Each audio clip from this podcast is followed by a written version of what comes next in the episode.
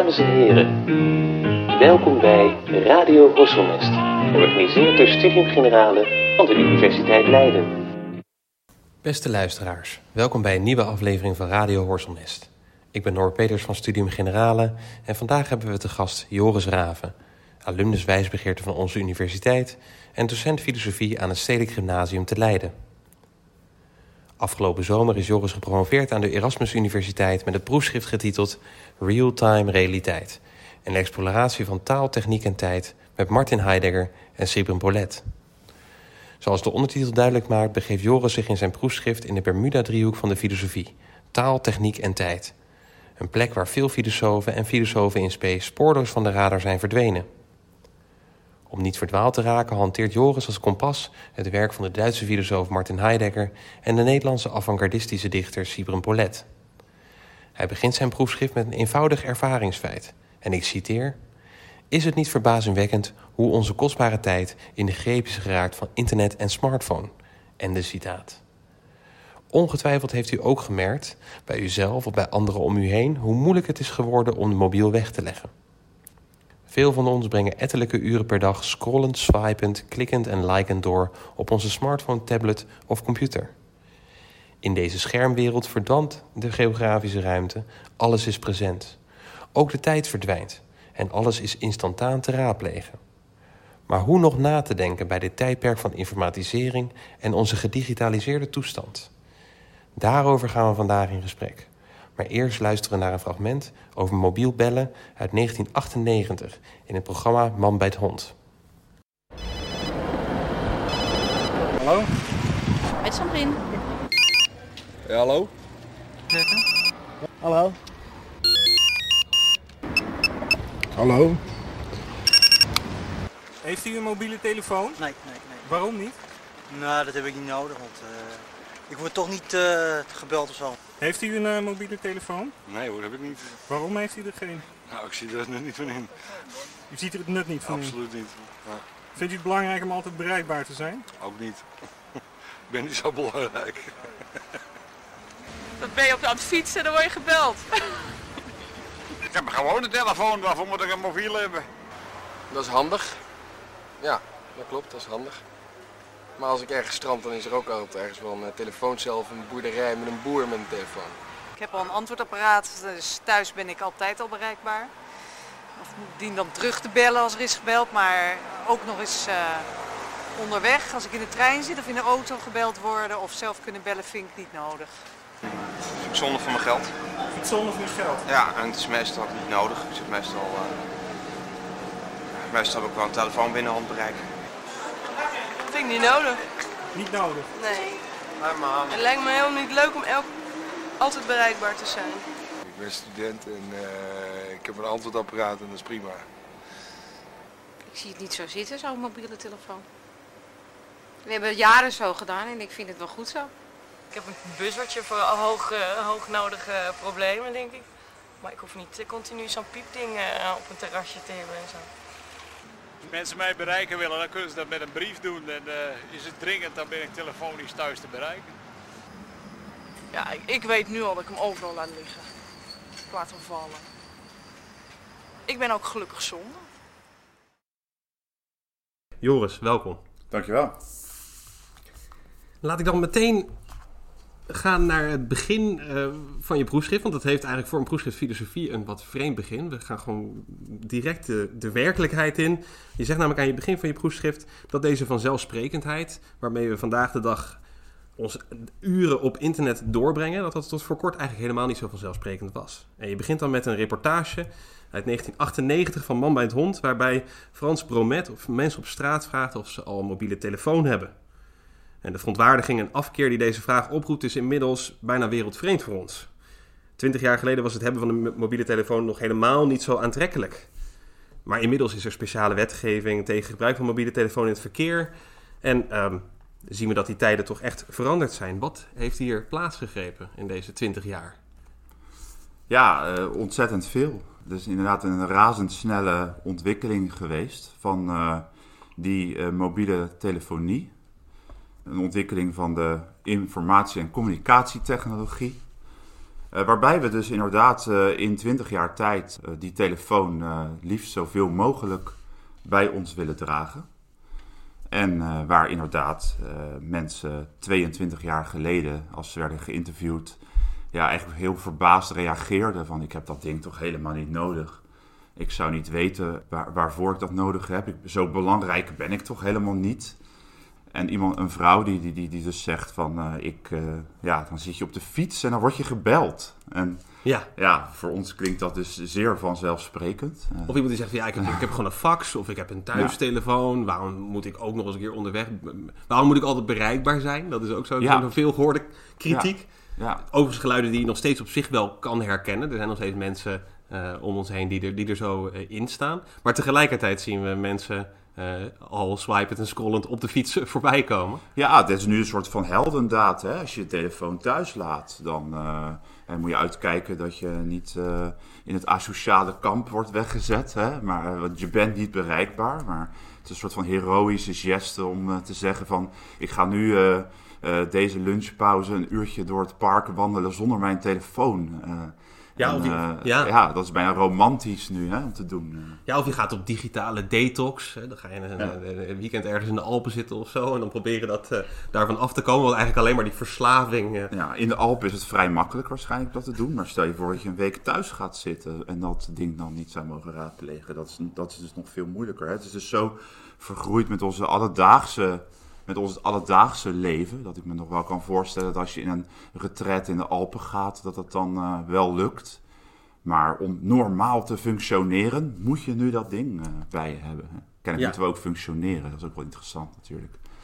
En je beschrijft dat dan, je zegt nu eigenlijk dat is een, er is een technologische vooruitgang geweest. Er is een technologische ontwikkeling. Die is in een soort stroomversnelling geraakt de laatste twintig jaar. Maar er is niet eigenlijk, of tenminste eigenlijk beweer je dat er meer is dan alleen maar een technologische ontwikkeling. Ja, zeker. Het is niet alleen een technologische ontwikkeling, maar in uh, zekere zin uh, uh, ja, is onze dagelijkse tijd daardoor dus veranderd. Dus er is niet, een, niet zomaar technologische vooruitgang, een nieuw apparaat, maar het gaat natuurlijk om wat, wat, wat doet dat apparaat met onze dagelijkse levenstijd. En nou ja, dat was voor mij dus ook wel een vraag van wat doet dat ding met mijn dagelijkse tijd? We worden voortdurend gestoord door die telefoon, uh, terwijl we met iets bezig zijn en onze tijd versnippert, dus als het ware de hele tijd. Ja, daar had ik vragen bij. Um, dat is een uh, hele ingrijpende verandering. Ja, want je zegt dan op een gegeven moment ook dat je een beetje op het spoor bent gekomen, dat je op een gegeven moment artikel over deze problematiek, of eigenlijk over dit onderwerp zag in, in Der Spiegel. Dat, dat dat eigenlijk een soort um, een, een, aanknopingspunt is geweest voor jou om, om, om je dieper of je gaan, te gaan verdiepen in deze tijdsproblematiek.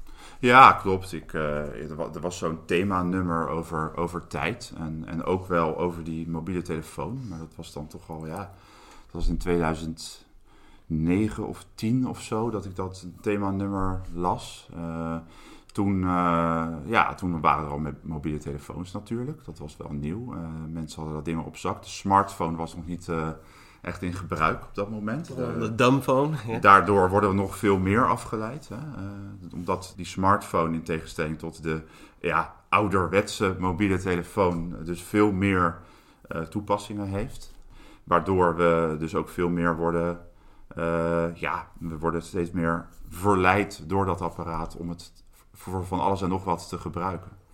Dus ja, dat, precies, je hebt helemaal apps ja. natuurlijk die continu meldingen geven. Je, je, je, je, je zoekt de hele tijd eh, of je wel wifi hebt. En of dan ook de meldingen allemaal nog wel doorkomen. En al die ja. verschillende apps die vragen ook de hele tijd natuurlijk van jou van alles en nog wat. En vragen vooral ook interactie met mensen via die, uh, via, die via die mobiele telefoon.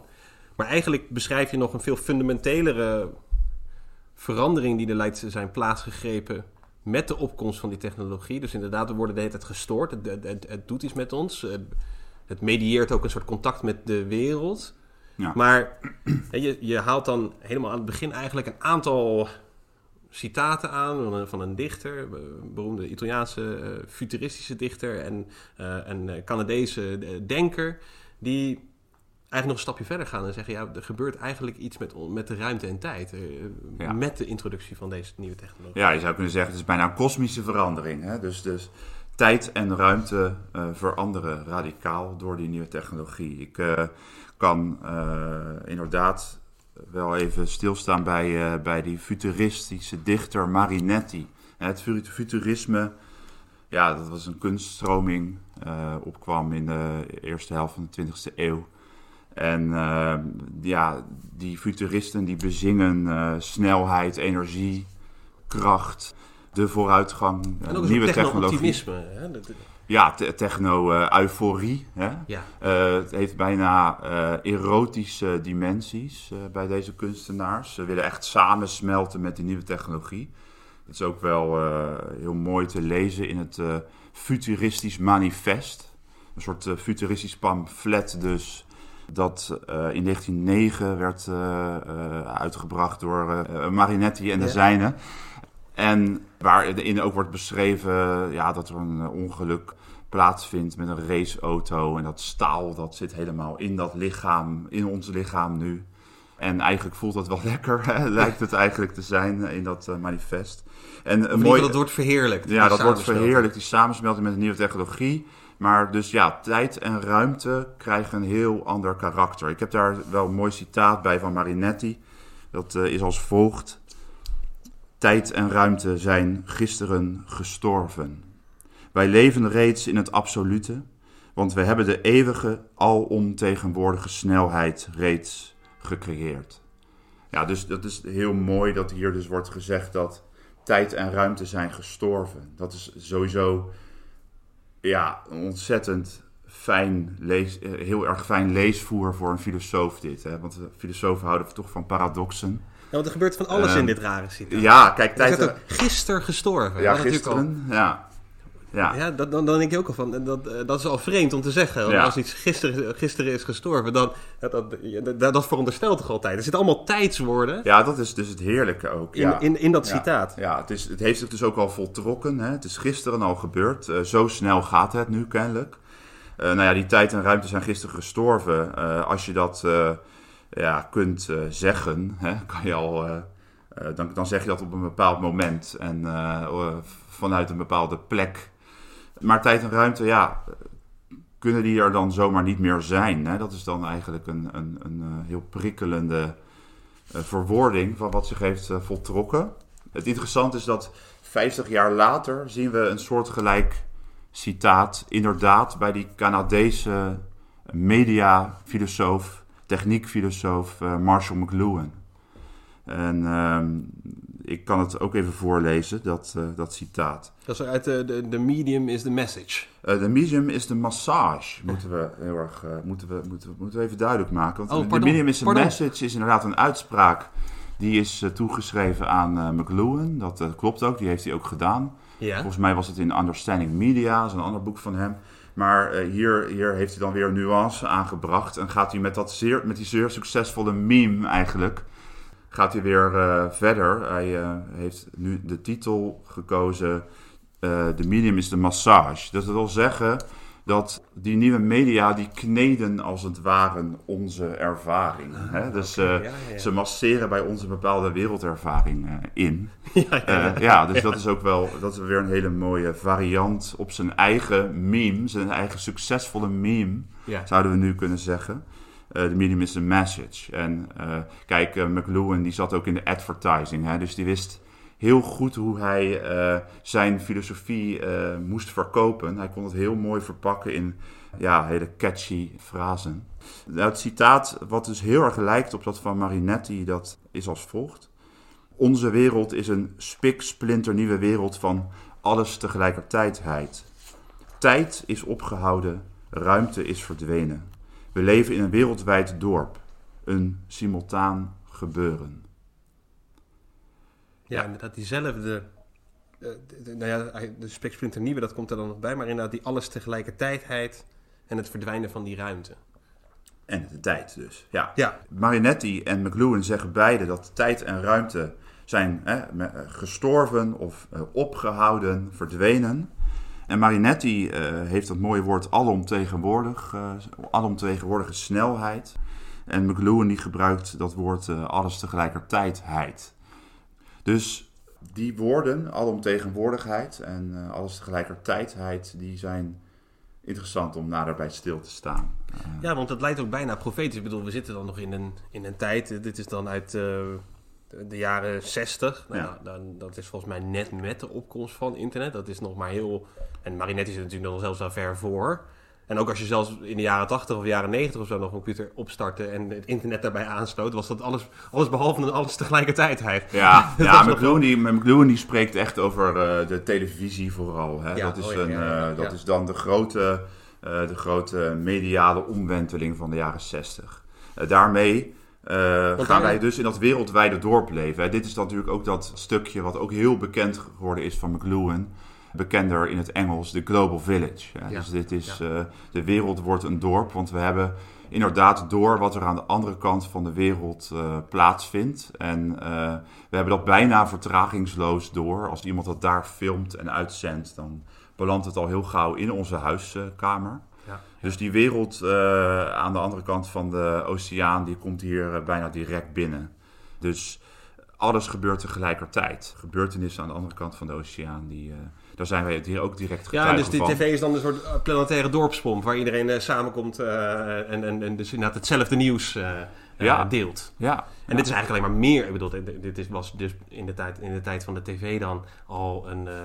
een ja, een, een feit geworden. Maar dat is natuurlijk eigenlijk alleen nog maar meer alles tegelijkertijd en meer alomtegenwoordig geworden met de introductie van de, van de informatietechnologie en de, en de, de bijhorende glasvezelkabels en wat dan al niet meer voor satellieten. En uh, die helemaal die simulta dat simultane uh, gebeuren eigenlijk alleen nog maar hebben versterkt. Nou, het is wel interessant om stil te staan hè, bij die alomtegenwoordigheid. Want het betekent dus niet dat die technologie nu overal om ons heen voorhanden is. Maar door middel van die technologie zijn mensen ook al omtegenwoordig. Hè? Dus wij, wij kunnen ons dus voortdurend verplaatsen naar andere werelden. Als ik, als ik de televisie aanzet, want laten we even bij McLuhan nog blijven. Als ik de televisie aanzet, dan uh, word ik ver, verplaatst vanuit mijn huiskamer naar een wereld uh, overzees. Dus die verplaatsing die vindt uh, ook plaats. Kunnen we ook heel, heel paradoxaal zeggen op deze manier. Hè? Ja. Uh, dus ik ben nu even niet meer op de plaats waar ik ben. Ik ben verplaatst naar een andere plaats.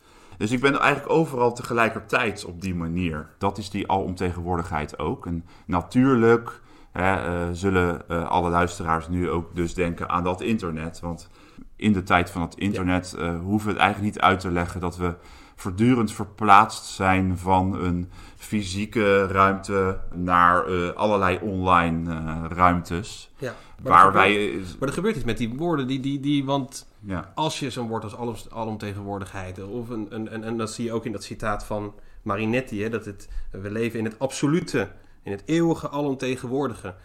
Dat waren natuurlijk vroeger woorden die je niet in verband bracht eigenlijk met uh, het aardse, uh, ondermaanse bestaan. Dit waren eigenlijk woorden die waren voorbehouden aan ofwel een goddelijk uh, schepsel dat omnipresent was. Ofwel, een, een, nou je zou aan een Platoons idee kunnen denken. Daar sprak je zo over, maar niet over wat hier op het aardse gebeurt. Ja, absoluut. omnipresentie is echt een, een middeleeuwse religieuze categorie.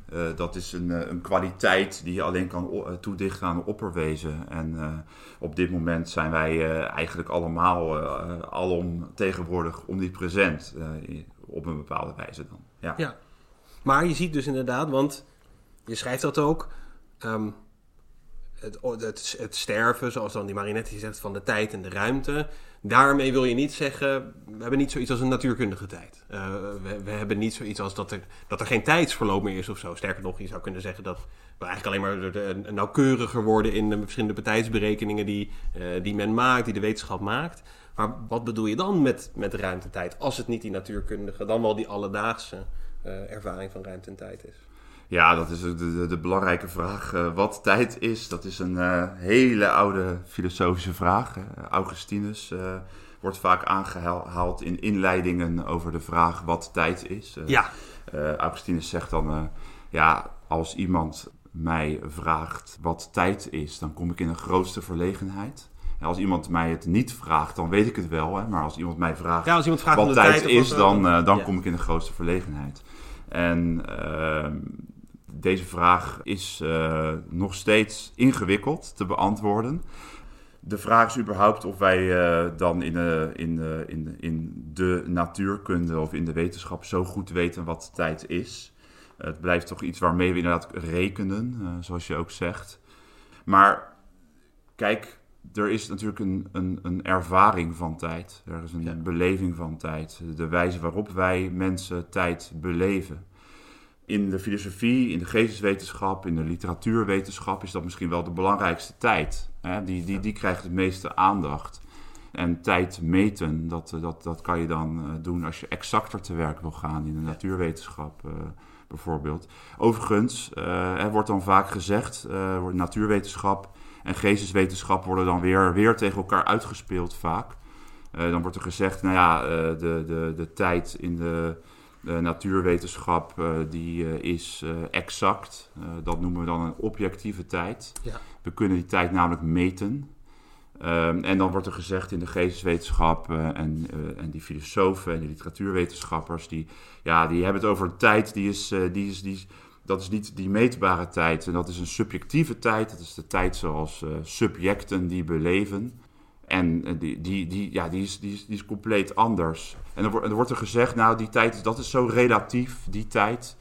Dat is subjectief en rela relatief. En dat is wel, ja, je krijgt wel een mooi. tussen ja, relatieve tijd en, en uh, absolute ja, tijd. En je kunt je, maar je moet, we moeten, we moeten, ja, wat dan wel, wel wat wel belangrijk is, dat, dat die, die tijd die zo objectief wordt bevonden, namelijk de tijd die we kunnen meten, dat ik zou zeggen, nou, die tijd is zeker ook heel relatief.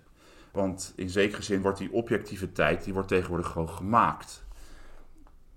En ik laat even stilte vallen. Ja. Maar, maar er zijn gewoon mensen die eigenlijk tijd maken. Want je hebt op een gegeven moment heb je de uitvinding van het kwartskristal, uh, dat, je die, dat je die kan inzetten om horloges te fabriceren. Uh -huh. En zo'n kwartskristal, wat is het? Die, die trilt iets van 32.000 keer per, uh, per seconde.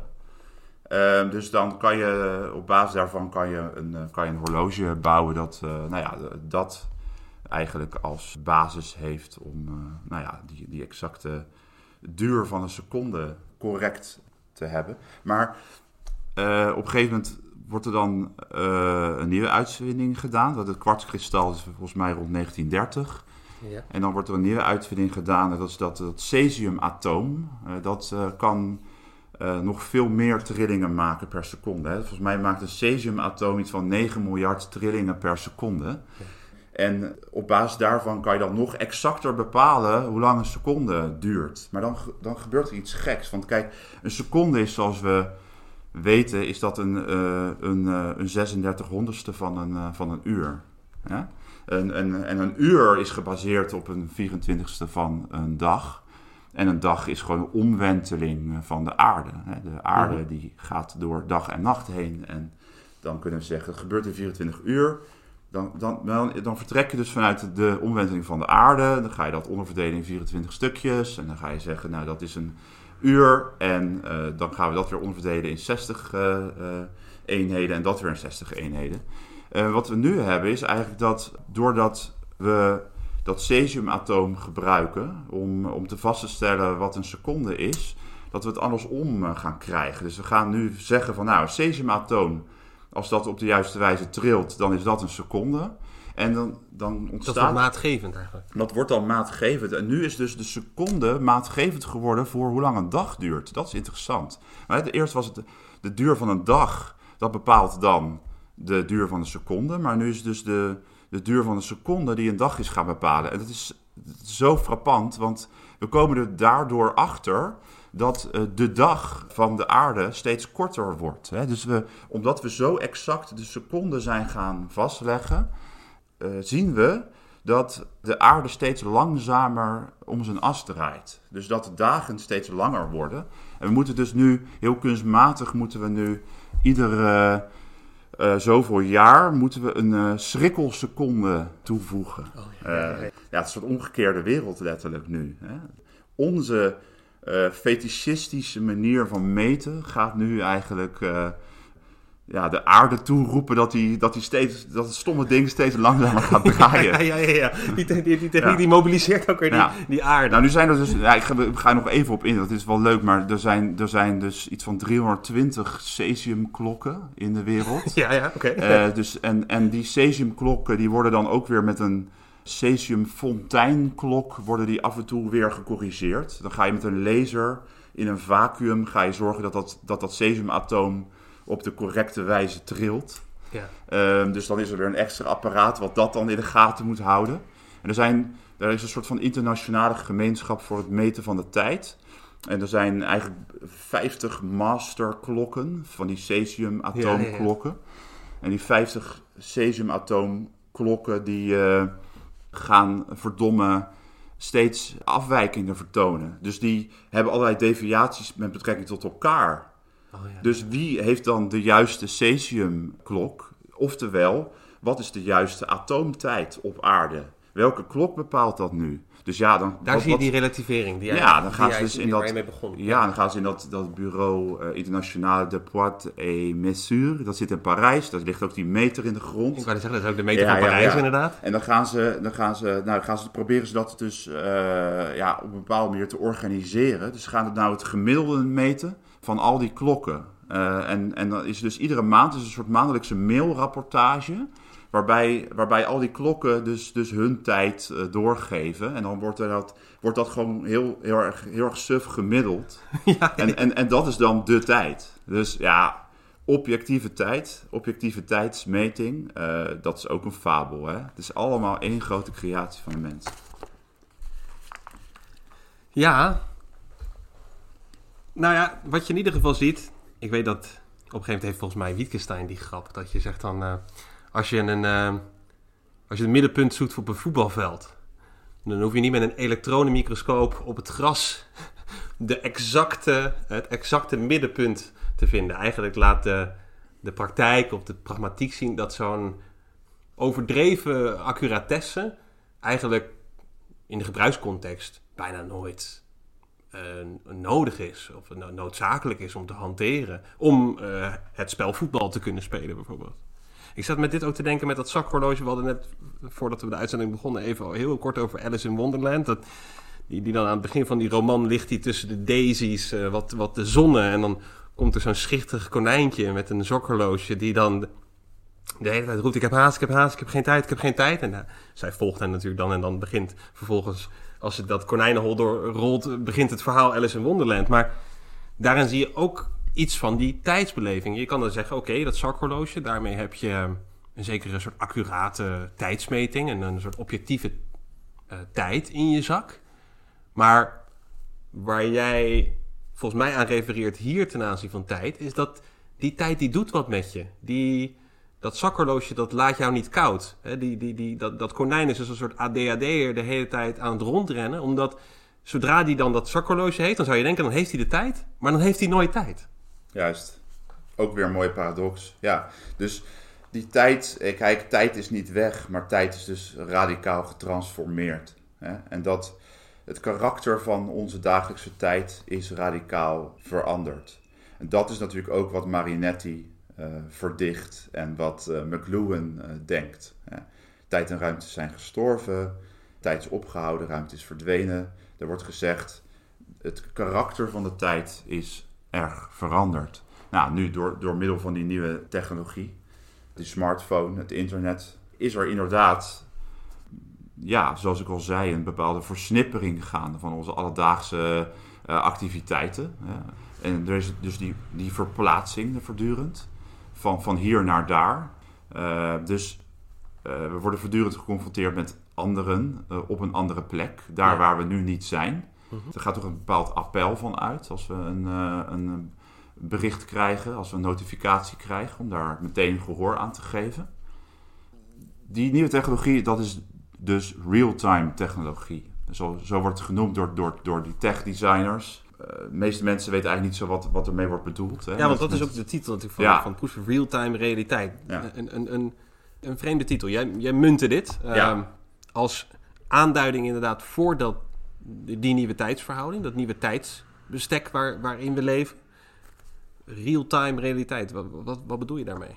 Ja, nou ja, eh, er is dus een, een, nieuwe realiteit ontstaan. Die nieuwe realiteit, die is er door een nieuwe tijd. En die nieuwe tijd, die zouden we de real-time kunnen noemen. Uh, kijk, waar wordt gesproken van real-time technologie. Wat is dat nu? Dat is technologie waarmee je, zoals het heet, in real-time kan communiceren. Dat betekent dat je een soort vertragingsloze informatieoverdracht hebt. Dus als ik een berichtje verstuur, dan komt die direct bij jou aan. Of ik zit met jou te skypen, uh, jij zit in Amerika, dan zitten wij op dat moment in real-time ja. te skypen. Ja, dus we zitten, we zitten inderdaad op een andere geografische plek, eh, maar we zijn toch in een, bepaalde, in een bepaalde digitale binnenruimte op hetzelfde moment daar. Ja, andere uh, tijdzone, maar niet ja, op hetzelfde ja. moment. Maar ja, wat je dus hebt met die, met die, met die real-time technologie is dat je dus weet dat jouw bericht aankomt meteen bij de ander. Vaak kun je dat ook nog eens zien. Hè? Dat is die terreur van de blauwe vinkjes hè? van de WhatsApp. Uh, hier, er verschijnen uh, in die in die app verschijnen dus blauwe vinkjes als de ander uh, een bericht heeft gelezen. Ja, dat, dat kan. Uh, ja, dat, dus je dat ziet. gaat gebaar met een, enorme frustratie bij veel mensen. Precies, ja. dus je ziet bijvoorbeeld dat iemand jouw bericht heeft gelezen, want, er, want de vinkjes zijn blauw.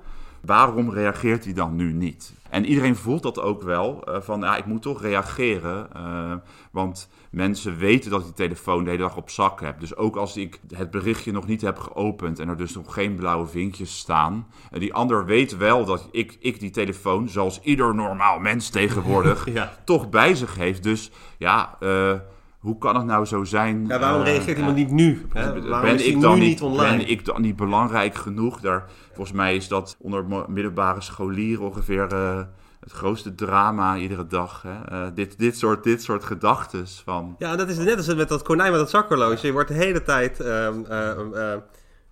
is er een soort... Ja. Je zegt het ook net van, het is het een soort van nu wat de hele tijd zich, zich manifesteert. Ja. Uh, iemand moet nu reageren, iemand moet nu online zijn, iemand moet nu van zich blijk geven en niet later. Ja, dus, dus je zou kunnen zeggen, er bevindt ook een bepaalde tijdroof plaats. Je wordt eigenlijk beroofd van je tijd op het moment dat jij uh, je inderdaad op een bepaalde manier genoodzaakt voelt om voortdurend te reageren op alles wat binnenkomt. Hè. Als, je die, als je die smartphone hebt, dan heb je een interface op zak waarop dus steeds allerlei notificaties en meldingen verschijnen. En je hebt de neiging, uh, dat is een hele normale menselijke neiging, heb je toch de neiging om daar gehoor aan te geven. Terwijl je met iets anders bezig bent, misschien even tijd hebt voor jezelf.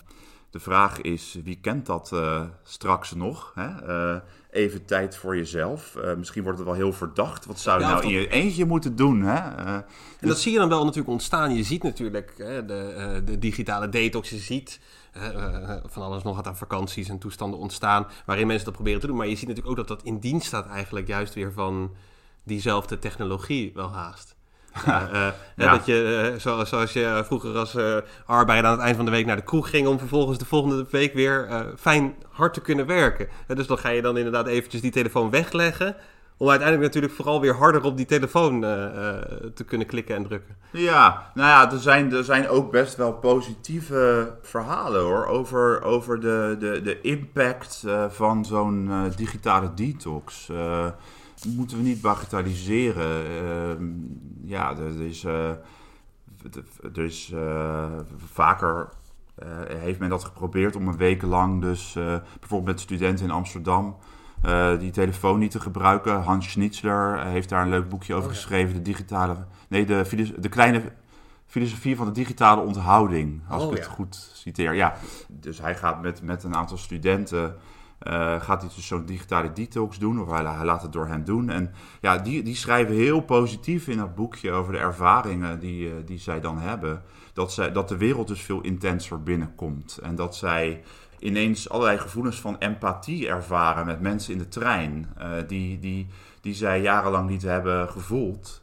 Omdat zij de hele tijd op dat telefoontje zaten. ja, ja. Dus, dus, dus mensen worden uh, intenser, de wereld komt intenser binnen. Het uh, Amstelpark is uh, ineens het mooiste park van Amsterdam. Dat ervaart iemand dan ineens zo. En ja, dat is, dat, ja, die, die, die, zo'n weekje is natuurlijk maar een weekje, maar het, het werkt wel door.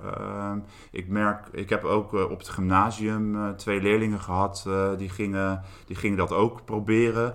En er konden ook een aantal andere leerlingen mobiliseren. misschien een mooi woord, mobiliseren hier. ja. Maar om die mobiele telefoon dus nu niet te gebruiken ja. een week. En eigenlijk waren die ervaringen ook heel erg positief. Die mensen nemen wel wat daarvan mee dat, dat ze misschien wel wat meer afstand tot het apparaat kunnen houden.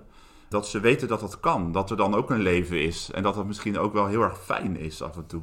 Dus... Maar dat, dat klinkt inderdaad ook bijna als, alsof je hè, aansluit bij een, uh, hoe noem je dat? Een, ja, in, het Engels is dat een EE-meeting. of een, um, als je verslaafd bent, dan ga je dan in een, ga je dan in een kuuroord zitten en om dan, om dan te detoxen je zegt net ook al net van dat apparaat wegleggen. Dat, dat, lijkt ook alsof er bijna een verslavingsachtige houding is tot dat apparaat. En dat, dat, brengt me eigenlijk ook tot, tot een verkenning die ook al vrij vroeg in je, in je proefschrift wordt genoemd. Ja.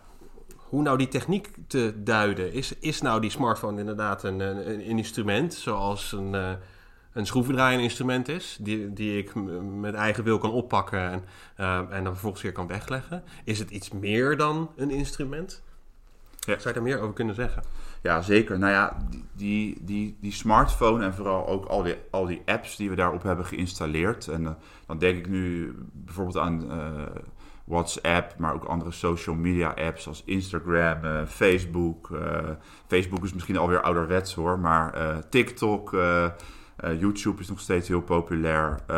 dit, soort, dit soort apps hebben wel bepaalde ontwerpprincipes. En die, die, die, die ontwerpprincipes die zijn natuurlijk op gericht dat de gebruikers, de users, mm-hmm. um, die apps zoveel mogelijk raadplegen en, en gebruiken. Dus er zijn wel behoorlijk wat, wat ontwerpprincipes. ja, daar wordt op ingespeeld op, op ja, wijze. Ja, dus het zijn eigenlijk een soort van fruitautomaten die wij op zak hebben. want kijk, het, principe van een fruitautomaat is dat je een soort variabele beloning hebt. Dus je, je ziet een soort. Je ziet een, soort, ziet een button, uh, het kan bijvoorbeeld een notificatie zijn, maar dus, je moet er nog wel op klikken om te kijken uh, wat erachter zit. Hè? Wat voor bericht daar dan achter zit. Dus je krijgt een notificatie dat je een bericht hebt gehad, maar je moet er wel op klikken om te kijken van wie het is misschien, of, of, of waar het precies over gaat, wat er precies wordt gezegd. Bij zo'n fruitautomaat, ja. vlak voordat je eigenlijk wil stoppen, moet, je, moet je een kleine winst uh, hebben, zodat je weer door uh, speelt. Dat, daar zie je natuurlijk ook die apps op inspelen. Dat, ja. hè, dat, dat, je in één keer een notificatie krijgt en dan klik je erop en dan denk je, maar dat is eigenlijk helemaal geen notificatie. Joh. Maar dat is dan weer een manier om je weer erbij te... Ja, je hebt, de hoop, je hebt de hoop dat het iets leuks is natuurlijk, of dat het je dag uh, enorm gaat verrijken als je die notificatie wel bekijkt. En soort dat geheimzinnige wat, wat het eigenlijk is. Uh, u heeft zoveel nieuwe berichten. Iemand heeft gereageerd op uw post. Hè? Dus dat zijn de meldingen. Dus je dan, ja, wie dan? En, uh, ja. en, en wat dan? Want, uh, god, wat wordt er dan gezegd over mijn post zo helemaal in het openbaar? En dat, dat wil je. Dus ja, je wordt verleid om natuurlijk de hele tijd dat te bekijken. En dat is die variabele beloning. Hè? Het kan leuk zijn of het kan of het kan helemaal ja, nergens over gaan uh, of, of uh, van geen enkel nut zijn. Er is nog een ontwerpprincipe, dat zijn die oneindige feeds. Hè. Dat zie je op Netflix ook, maar dat zie je ook op YouTube. Als je eenmaal bepaalde filmpjes kijkt, dan uh, bepalen de algoritmes wat jij natuurlijk nog wel meer allemaal zou willen zien. Want die eigenlijk ja, zijn het soort psychosociale ontwerpprincipes. Mm -hmm. hè. Ze, ze, ze, scannen als het ware jou, jouw psyche, jouw ziel. Ze, ze zien waar, wat jouw behoeftes zijn, wat jouw interesses zijn. En ze, en ze toveren nog een hoop meer tevoorschijn. Ja. Hè? Dus het is eigenlijk dat, bedoel, je houdt van chocola. Dus je hebt een keukenkastje en er ligt een, een reep chocola in. Nou, je bent voelt je ontzettend schuldig uh, dat je die chocola uh, eet, maar dat, dat kastje, stel je voor dat dat kastje zich steeds zichzelf aanvult. Als, als een soort zaak in de chocoladefabriek. Heeft u, heeft u deze honderd repen wel eens geproefd? Hè? Dus, ja. dus dat is natuurlijk het principe. En dat zijn die oneindige feeds. Hè? Ja, dus mm -hmm. Het woord feed is ook wel heel mooi, want er worden dus gevoederd. Hè? Ja. We worden gevoederd met die enorme uh, bulk aan, aan nieuwe informatie ja. en interessant nieuws enzovoort. En, je, schrijft, uh, je noemt dat ook uh, infobesitas op een gegeven moment. Ja. Maar je zou het natuurlijk kunnen tegenwerpen, en dat doe je ook, door een techniekfilosoof te, te, te, citeren. Luciano Floridi, die zegt ja, wat is eigenlijk het probleem? Hè? Je, dat is je eigen verantwoordelijkheid. Jij besluit om elke keer aan die fruitautomaat aan die hendel te trekken. Kan je, dat kan je natuurlijk ook gewoon niet doen. Wat is daarop tegen? Ja, dus uh, Luciano Floridi die, uh, die, die, die, die schrijft ergens van ja, we hoeven heus niet, en dat zegt hij ook wel heel mooi, we hadden het net over feeds en voederen. En hij zegt ja, we hoeven heus niet iedere bite te verteren. Dat is ook wel heel poëtisch gezegd natuurlijk. Ja. we hoeven daar niet altijd een hap van te nemen dus. Ehm, dat, dat, dat is waar. Dus hij, hij, ja, hij, hij beschrijft eerst in een van zijn techniek-filosofische boeken. Uh, beschrijft hij eerst wat een enorme exponentiële groei aan informatie onze planeet, onze mensheid heeft gekend. dus dus er, er is een enorme groei aan, uh, aan, aan bytes. We moeten zelfs spreken van uh, bytes nu. Dat, zijn, uh, dat is iets van 10 tot de 19e byte of zo. Uh, Dus er is in ieder geval een enorm exponentiële groei. Eh, het is een soort data-tsunami. Iets verderop zegt hij inderdaad van, nou ja, goed, maar we hoeven, we hoeven, we hoeven niet te zeggen dat het nou een enorm groot probleem is, want je hoeft het allemaal niet te bekijken, je hoeft het allemaal niet te lezen, je hoeft die filmpjes niet te zien. En, maar goed, die ontwerpprincipes, die uh, nemen jou die autonomie heel graag af natuurlijk. Dus zo'n smartphone is niet zomaar een instrument, hè, om, om op die vraag, naar die vraag terug te keren. Die smartphone is niet zomaar een instrument, een tool die ik ergens voor gebruik. Waarbij ik zelf eerst nadenk van, nou, uh, natuurlijk ook, hè. Eh, natuurlijk is het ook zo, want ik wil iemand bellen, dus ik ga nu die telefoon pakken om te bellen. Ja. Maar het is vooral de hele dag door, oh, een bericht, een notificatie enzovoort. Die voortdurende interruptie eigenlijk.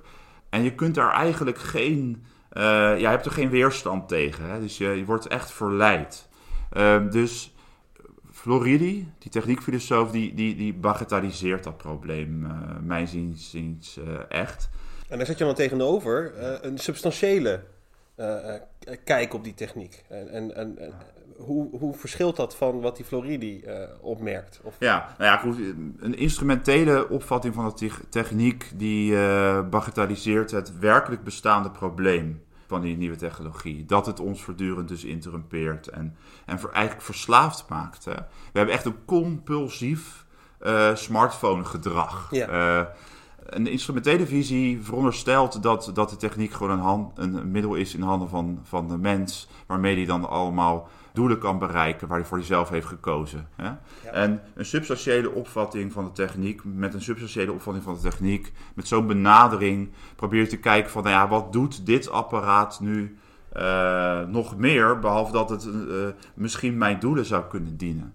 En bij die smartphone, ja, je bekijkt de, de smartphone uh, in zijn geheel en, en, en neemt dan dus bijvoorbeeld mee dat dat ding ons voortdurend verleidt om het te gebruiken. Uh, dat het invasief is. Uh, hè, dat is het, het, het, schreeuwt om aandacht. Ja. Dat is het invasieve eigenlijk. Ik ben met iets bezig, maar ik word daar dan uitgehaald door dat ding.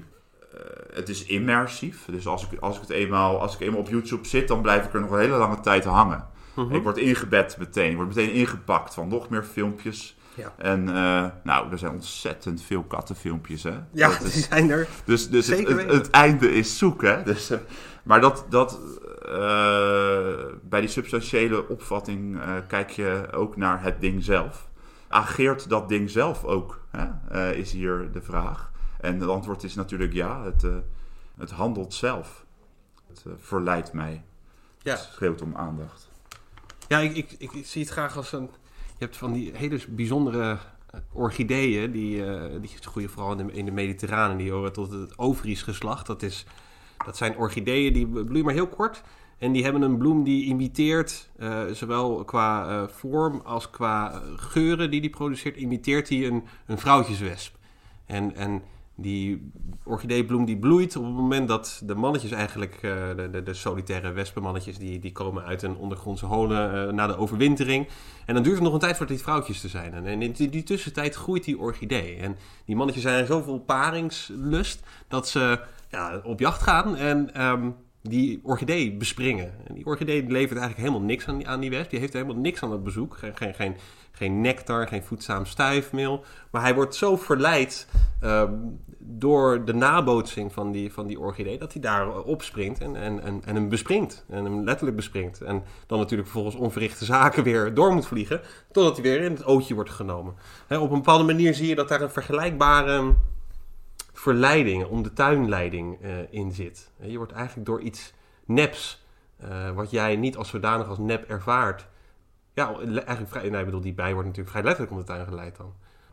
Ja, goed. Want je, want je hebt ook we moeten, niet, we moeten wel oppassen om te zeggen dat, dat de, de wereld die wordt gemedieerd hè, door die smartphone. Ja.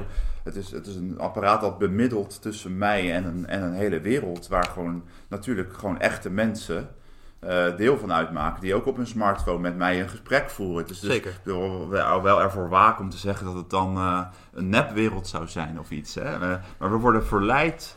Ja, om, nee, zeker. voortdurend die verplaatsing aan te gaan. Dat, dat is zeker zo. Nee, het is geen nepwereld, maar je schrijft het wel als een real-time realiteit. Ja. Terwijl daar lijkt in te schuilen dat er ook nog zoiets anders is en dat er ook nog een andere realiteit is. Ja, ik denk, ja, je moet, we moeten constateren dat uh, die online wereld vervlochten raakt met uh, de fysieke wereld. Dat wij uh, zo voortdurend verplaatst zijn, dat dat natuurlijk ineen groeit. dat er uiteindelijk, zou je kunnen zeggen, we leven in zo'n real-time realiteit. Ja, dan is de vraag, hoe kunnen we die het beste bewonen? We kunnen niet terug of zo. Het is niet van, nou, we die, die, die smartphone is hartstikke fijn ook. Ja, ja oh, maar, zeker, zeker. We benadrukken natuurlijk nu de hele hoe gaan we, ja, technologie hoe gaan we negatief. die, hoe gaan we die, hoe gaan we die maar nieuwe ik kan niet meer, uh, ik wil op een bepaalde manier ook helemaal niet meer zonder die laptop bijvoorbeeld. Want Nee. er is een enorme stortvloed aan eh, literatuur Ja. tot je beschikking. Een klik, een klik weg en je hebt, eh, of een klik en je hebt eh, artikelen tot je beschikking enzovoort. Dus we hebben het natuurlijk nu erg negatief. En jij lijkt ook zelf niet helemaal die meer substantiële kijk op de techniek te, eh, daarmee eens te zijn. Je hebt dus de instrumentele kijk, die beschouwt het gewoon als een gereedschap wat je kan wegleggen. En je hebt dan die substantiële, eh, eh, meer immersieve kijk, waarin je zegt, ja, eigenlijk zijn wij alleen nog maar het gebruiksmiddel van die technologie eh, om zichzelf te vermeerderen. En jij lijkt er toch een soort, een, een soort tussenpositie in te nemen. Ja, nou... Zeg ik dat goed? Of? Ja, kijk, je hebt, je hebt, die, je hebt die, eh, die instrumentele opvatting, dat is gewoon, eh, ja, die, die, die, die benadering van de smartphone, die, die treft het wezen van dat ding gewoon niet. Het is dus, Ja, dus geen tool in handen van ons alleen. Het is het ook, maar het is veel meer dan dat. Een substantiële benadering die... eh, zegt, nou, we moeten naar dat ding zelf kijken. Ehm, en hoe, hoe handelt dat ding bijvoorbeeld ook met betrekking tot ons? Maar dan, zijn er, dan, dan kan, kan je binnen die substantiële benadering kan je nog wel een onderscheid maken.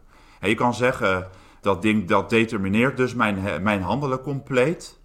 Nou, dat, dat sluit ook niet aan bij ervaring. Want er is echt nog een bepaalde speelruimte ons gegeven om, om eh, dat apparaat bewuster te gebruiken. Eh, die, die, die, is, die is er wel.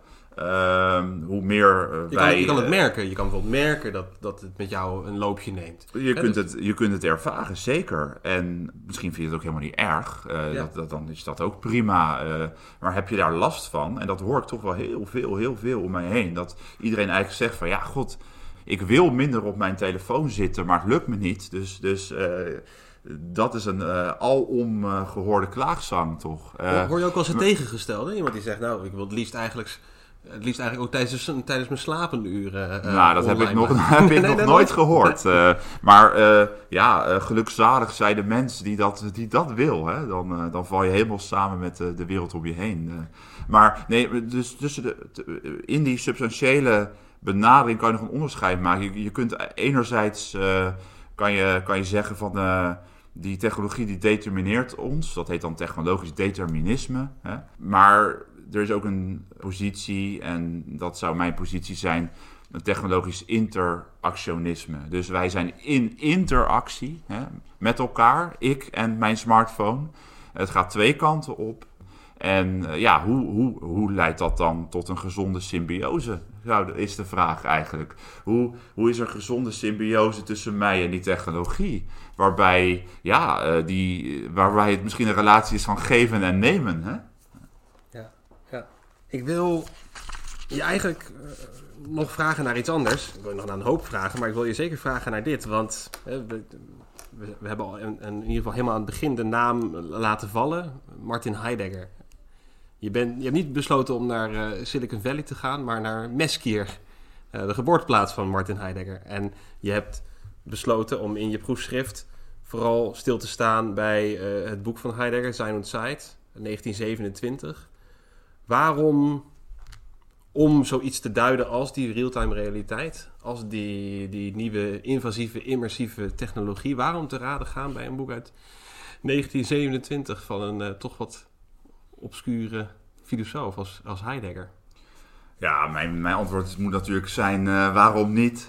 ja, ja, ja, Maar ja, Heidegger is natuurlijk heel erg bekend geworden van uh, wat toch zijn opus magnum heet, Zijn und Zeit. En daarin staat de tijd heel erg centraal. Ja, als je nou wil afvragen wat, wat, in wat voor tijd wij nu eigenlijk leven, met die nieuwe technologie, dan ja, ligt het in ieder geval als filosoof wel voor de hand om, om Zijn und te gaan lezen. Omdat de titel van het boek al doet vermoeden dat daar iets wordt gezegd over de tijd.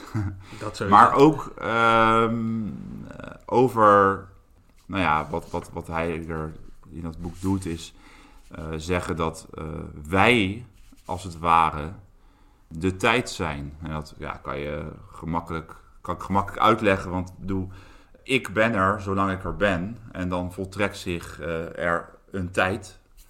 En uh, in die tijd kan ik uh, gelukkig zijn en verdrietig zijn. En ik kan allerlei, mijzelf allerlei doelen stellen. En ik kan verslaafd raken aan zaken. En dus mijn levenstijd is En aan het einde dan staat er op die grafsteen zo'n sterretje en zo'n kruisje. En dat, is, dat is de tijd. Wie weet, ja. En en ik, ik doorleef mijn levenstijd. Ik ben tij de tijd.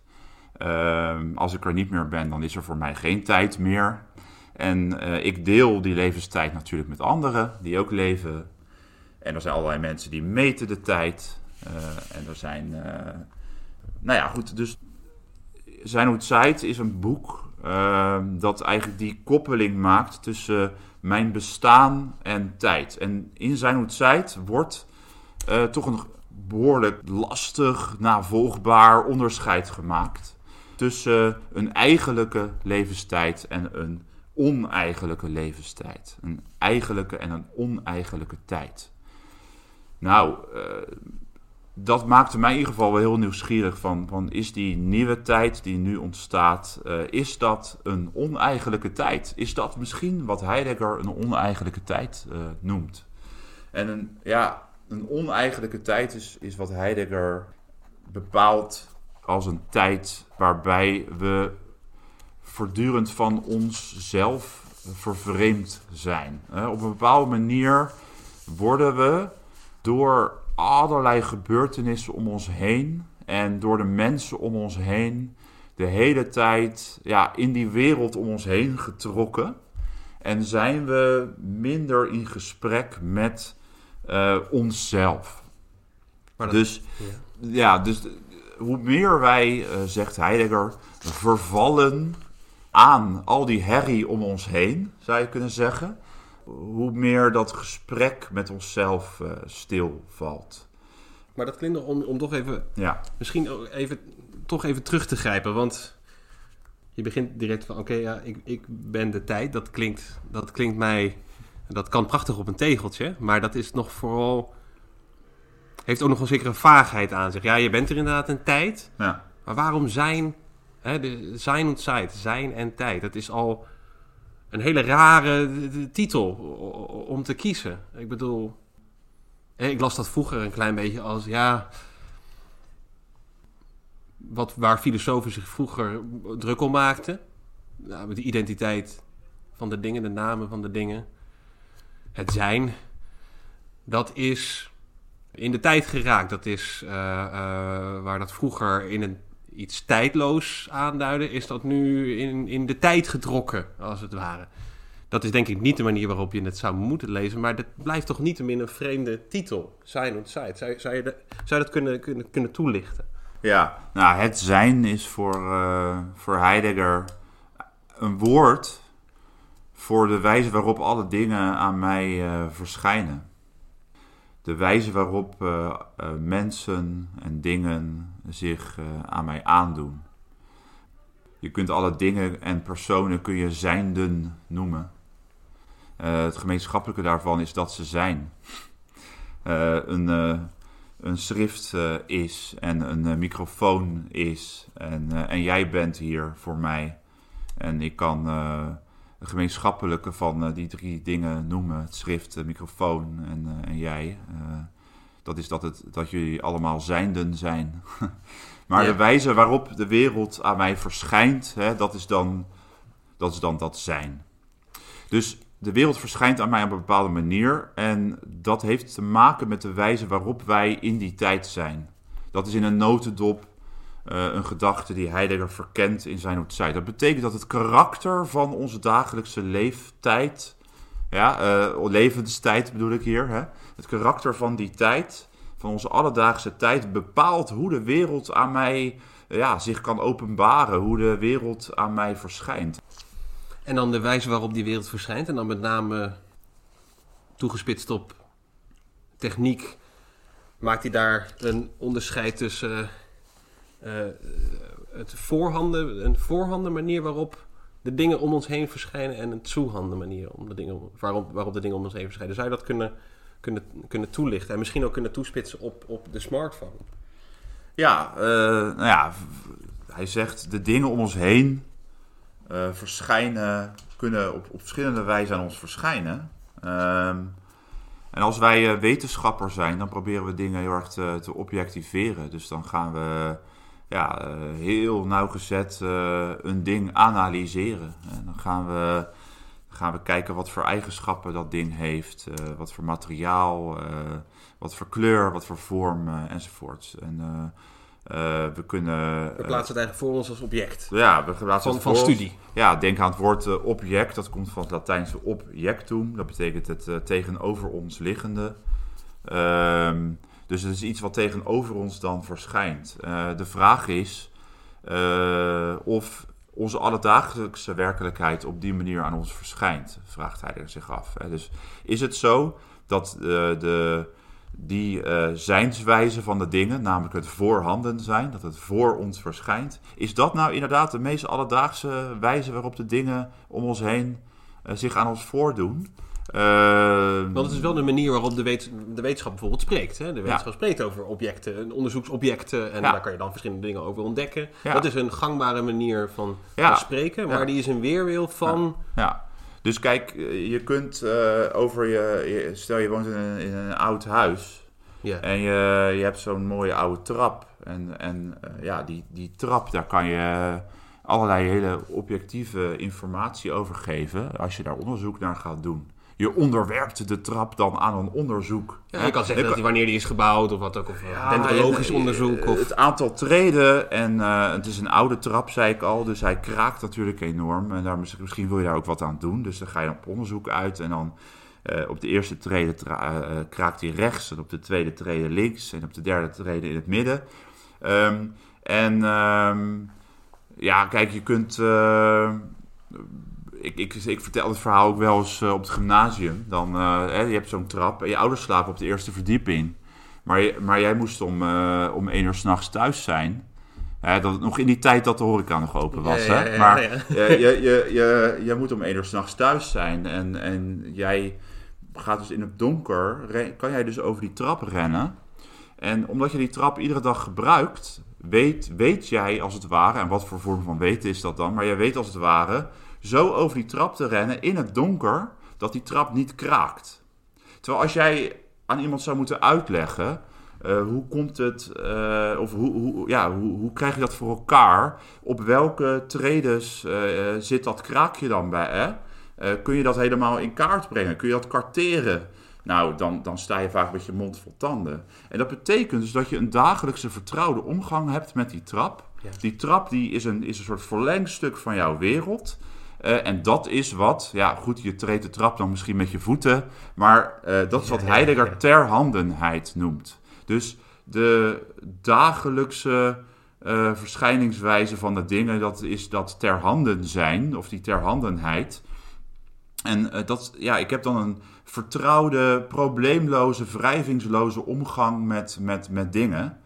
En als, je, als, als die trap voorhanden wordt gemaakt, ja, dan, ga je dus, dan ga je die trap dus onderzoeken. En dan ga je al die details vaststellen. en dan, dan, dan komt die trap ook eh, op een heel bijzondere manier ja, eh, op de voorgrond van je aandacht. Mhm. Terwijl ja, jij, jij rent over die trap terwijl je aan allerlei andere dingen denkt. Hè. Het is hetzelfde als met een fiets.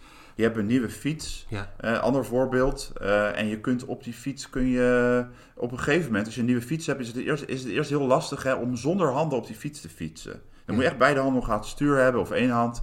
op een gegeven moment lukt het je op een nieuwe fiets om zonder handen op die fiets te fietsen. En uh, dan, dan is die fiets totaal ter hande en kun je je aandacht overal anders bijhouden. Dus weer een voorbeeld waarbij nou je handen dus weer los zijn. Hè? Ja, ja, ja. Maar het, het, het is dus een je hebt een hele vertrouwde omgang met, met, met dat zijnde. Ja, want dit is natuurlijk niet alleen voor trappen, dit geldt niet alleen voor vissen, maar dit geldt eigenlijk als je natuurlijk daarop, zodra je daarop gaat bezinnen, dan merk je eigenlijk dat je dus voortdurend eigenlijk op die manier in de weer bent met, met, met, met objecten. Niet als object, niet als inderdaad iets wat je voor je zet en als een object van onderzoek beschouwt, maar iets waar je continu mee interacteert. Ja, hoe kan je in godsnaam iets uitleggen aan je studenten als, je, als, jou, als jouw stift steeds voorhanden zou zijn. Als je iets op het bord schrijft en je bent met je aandacht bij die stift, dan weet je niet meer wat je zou moeten opschrijven. Dus die, die stift is ter hande en jij bent, hè, jouw publiek en jouw verhaal, die zijn misschien meer voorhanden. Hè, daar ben je heel erg op gericht.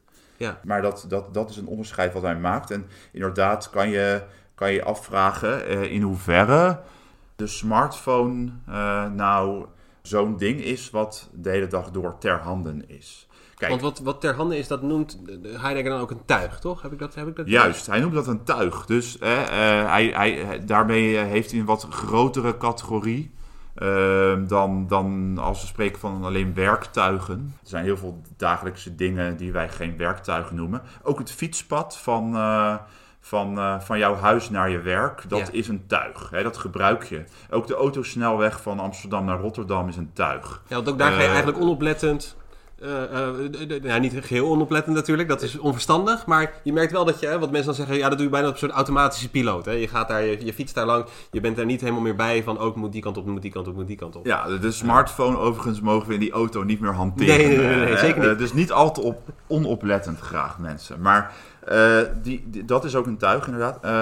Zo'n zo'n weg, je auto ook, enzovoorts. Maar de, de dingen waarmee wij een vertrouwde omgangswijze hebben, die een onderdeel zijn van onze dagelijkse leefwereld, uh, die mijn in de wereld zijn, zoals Heidegger het noemt, uh, mogelijk maken. Uh, waardoor ik ja, dagelijks functioneer in mijn wereld. Dat noemt Heidegger allemaal tuig, die dingen.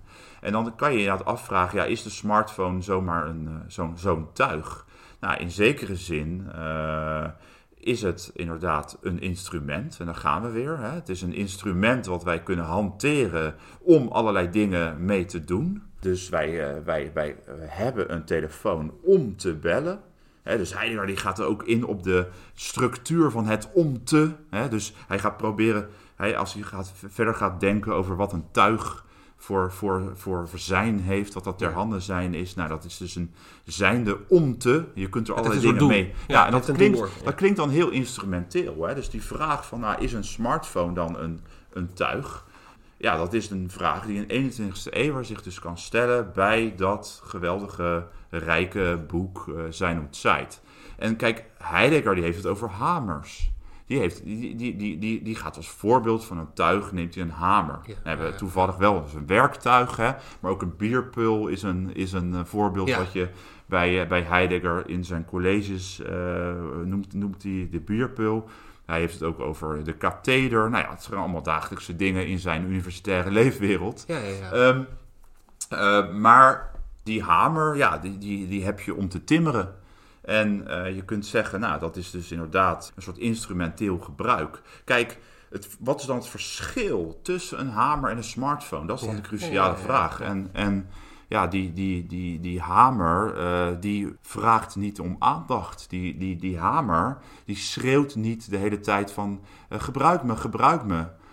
En dat is wel een groot, groot verschil. Die, die smartphone die ageert zelf als het ware in mijn leefomgeving. Die heeft allerlei eh, notificaties. eh, er zitten allerlei ontwerpprincipes in die ervoor zorgen dat ik dat ding constant ga eh, raadplegen. En dat is een groot verschil. Bovendien Maar je medieert, medieert wel, het lijkt wel dat het eh, op eenzelfde manier een toegang met de wereld medieert. Ja, niet op dezelfde manier. Want dat is inderdaad het bovendien. Hè. Die, die, die, die, die, eh, die hamer heeft een rol in die werkplaats. En, en eh, ja, daar, daar ga ik dan heen om te werken. En dan heb ik die hamer, Ja, ja, ja. kan ik dan gebruiken. En dat, dat is dan in die omgeving van die werkplaats. Ja, dat is een hele concrete fysieke omgeving. mhm. En ja, Ja. Die, die smartphone die haalt allerlei werelden waar ik op dat moment fysiek niet ben, eh, die, die, die tovert die de hele tijd tevoorschijn. En, en zelfs in grote mate ook eh, op zo'n wijze dat ik eh, daar niet echt voor heb gekozen. Dus dat is een groot verschil tussen, tussen een normaal tuig en, en de smartphone. Ja, dus het, het, het, Ja. het, het schreeuwt om gebruikt te worden. Het verleidt mij steeds om het te gebruiken. En het medieert verschillende werkelijkheden naast die fysieke werkelijkheid waar ik op dat moment ben. Die real-time realiteit. En ontsluit daarmee een real-time realiteit. Ja, het ontsluit daarmee een eh, enorme bubbel van informatie die mij overstelpt en overspoelt als ik niet leer om daar gezond mee om te gaan. Ja. Want je, je- dit is net tweede Ik heb dat nog nooit, ik heb dat nog Nee, nooit nee. gehad met een hamer, dat ik eh, moest vechten om dat ding niet te raadplegen. Of, eh, hè, dat, dat, Ik denk dat heel veel mensen het ook niet meer zo eens- eens- 1, 2, 3 heel goed kunnen hanteren. Of er zijn in ieder geval zoiets uit de, uit de, oude, uit de oude gereedschapsdoos. Waar ligt die hamer ook alweer? Ja, ja, Ja. ja tuurlijk. Ja, ja, ja, ja. ja. Ja, die alomtegenwoordigheid of die presentie van eh, informatie die je dan via die, die, die, die, via die smartphone zie je eigenlijk dat die alomtegenwoordigheid van informatie, je kan dan waar dan ook ter wereld, kan je wat dan ook, als je maar een internetverbinding hebt, kan je wat dan ook oproepen. Dat dat die alompresentie eigenlijk niet geldt voor dat internet zelf. Op een bepaalde manier. Of daar gewoon eigenlijk niet geldt voor, dat voor dat internet zelf. Die, die krijg je niet voor je snuffert. Dat is eigenlijk vreemd, toch? Ja, als, als, ja er ontstaat natuurlijk een heel nieuwe eh, ontologische eh, categorie. eh, namelijk, wat voor soort pre- presentie is, heeft al datgene op internet. Dat, is, dat is interessant.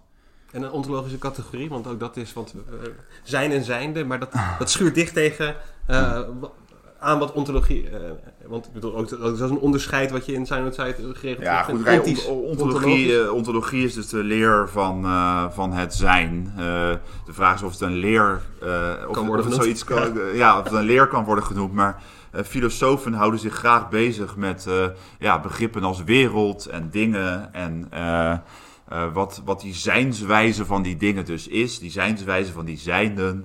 Eh, en ontologie, eh, ja, dat, dat, dat, is eh, in ieder geval het domein waarin wij vragen naar, naar, dat, naar, naar dat zijn en de zijnden en de zijnswijze daarvan.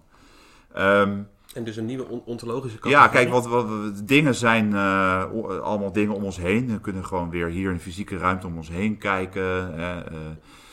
Er ligt hier dat schrift, er staat die microfoon, jij zit hier en eh, die dingen zijn, die dingen zijn allemaal present. En eh, ik mag jou eh, eigenlijk geen ding noemen, maar dan een persoon. Maar jij bent ook present. Hè? Ja. En ook uit vlees en bloed, uit materie. Dus we zijn gewend natuurlijk om te zeggen dat de dingen die, die echt present zijn, dat zijn dingen van materie. Hè, dat is eigenlijk, eigenlijk is dat wel grappig, want het is ook best wel een natuurwetenschappelijk wereldbeeld wat daar misschien speelt. Hè. We, we, we zeggen van nou, als iets echt is, dan bestaat het, Dan vlees uit materie, Dan is het- eh, of vlees en bloed, of, eh, hè, dus, dus dan kunnen we het materialiseren.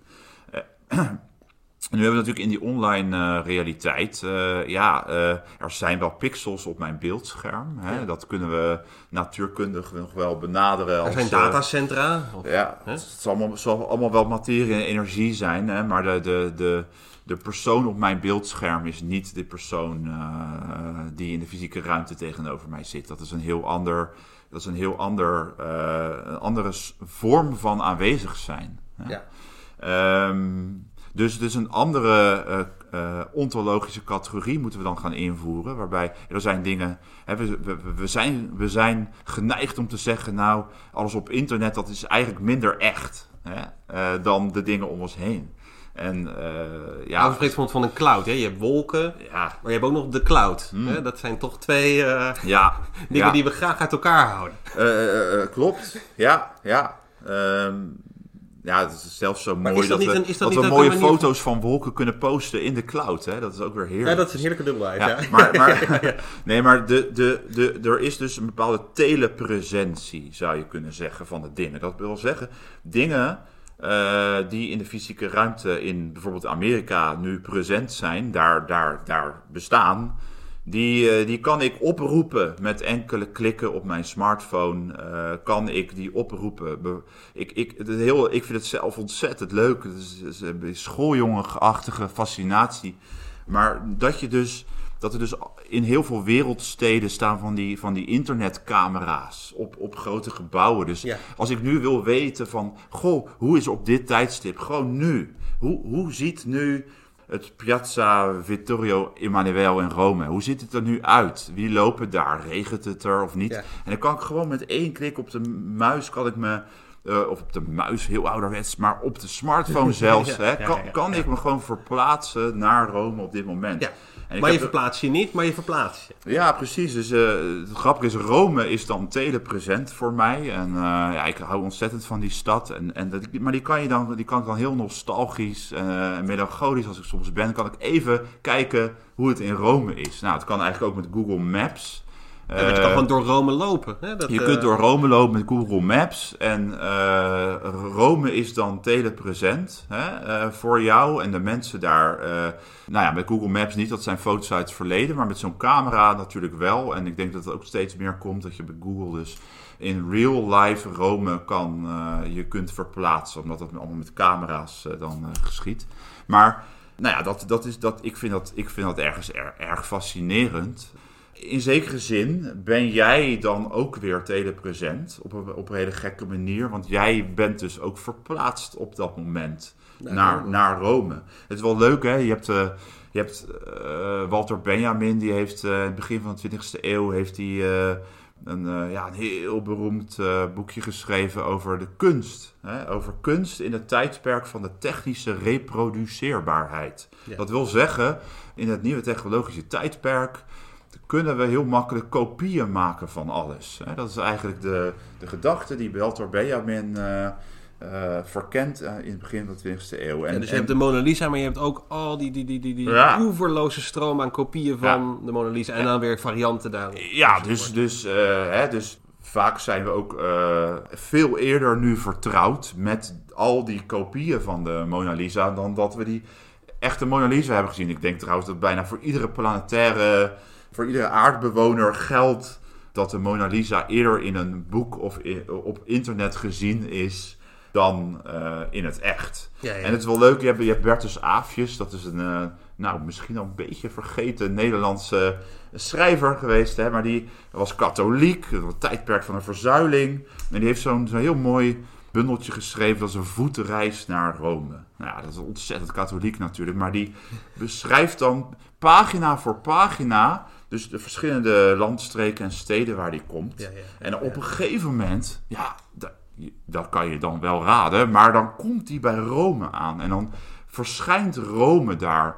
En hoe hij dat beschrijft, hij, de, die, de Rome begint helemaal te, ja, te dansen voor zijn ogen. Omdat hij dus met betraande ogen naar Rome kijkt. En die koepels ziet. En Rome dus voor het eerst echt helemaal ziet. Nou, er is echt geen enkele middelbare scholier die Ik ging nog met de bus. Ja, wij gingen ook met de bus. Ja, ja, daar zat niemand met tranen in dat, de ogen. Nee, maar dat, nee, maar dat was nog, wagenziek, dat was nog een busreis die je moest doorstaan. Maar nu gaan ze met het vliegtuig, ze stappen eruit uit, en ze hebben eigenlijk heel Rome al lang verkend op Google Maps en zo. En we zitten in zo'n beeldcultuur ook dat je dus dat dat bijzondere aura, zoals Walter Benjamin het zou zeggen, het aura wat om een kunstwerk heen Mhm. hangt als je het voor het eerst ziet, en dat het ook voor het echte ding staat, ja, dat is al weg omdat je het beeld eigenlijk al kent. Hè? Dus Ja, ja, ja. in zekere zin. Is Ja, want je die- komt het Louvre binnen en je krijgt natuurlijk overal op alle folders en alle routebeschrijvingen staat die Mona Lisa al. Ja. En dan kom je ook uiteindelijk in die ruimte en dan is het eigenlijk ook al wat je hoort een beetje teleurstelling. Want er staat een enorme menigte voor een, voor een A4'tje, zeg maar. Eh, eh, of, ter grootte, of een schilderij ter grootte van een Ja. A4'tje. Waar Ja. je dan eventjes over de me- mensen menigte even met een, met een half oog naar kan kijken. Ja, dus, Die, dus die echtheidservaring, die wordt, die, die wordt bij Walter Benjamin wordt die eigenlijk eh, al verkend. Van nou, hè, wanneer, eh, wat gebeurt er nu eigenlijk? Hè? We hebben eigenlijk kopieën van de werkelijkheid. Mhm. En dat komt natuurlijk gewoon echt met de techniek van het, het, eh, het kunnen drukken van mooie eh, foto, hè, fototechniek Mhm. natuurlijk. Daar heeft het mee te maken dat hij dat gaat, gaat, eh, gaat overdenken. Maar En opkomst van de film ten opzichte van de, van de toneel natuurlijk ja, ook. Ja, film ook. Ja. Dus, dus, dus ja, de- wat is die gekopieerde werkelijkheid nu voor werkelijkheid? Hè? Dus, eh, en dan eigenlijk een eeuw later eh, ja, is, is dit een vrij algemeen gesprek, toch? Ja, krijg je soeblikken van, eh van, eh van Warhol natuurlijk. Ja, ja. En, eh, hè, we zitten in een hyperrealiteit, zegt Baudrillard ook. Baudrillard, eh, Franse filosoof, die, die zegt we zijn... We, we zitten in, in, in, in, in een soort kunstmatige wereld met allerlei plaatjes en beelden. En eigenlijk is het ook helemaal niet meer boeiend eh, of dat nog verwijst naar iets wat echt bestaat. Hè? En daar krijg je natuurlijk ook eh, het tijdperk van eh, het nepnieuws. eh, want, want alles wat, wat, alles wat dus op die smartphone, op dat internet, wat daar voorhanden is, als we daar naar gaan kijken. ja, we, we weten niet meer of het, we weten niet meer of het echte afbeeldingen zijn.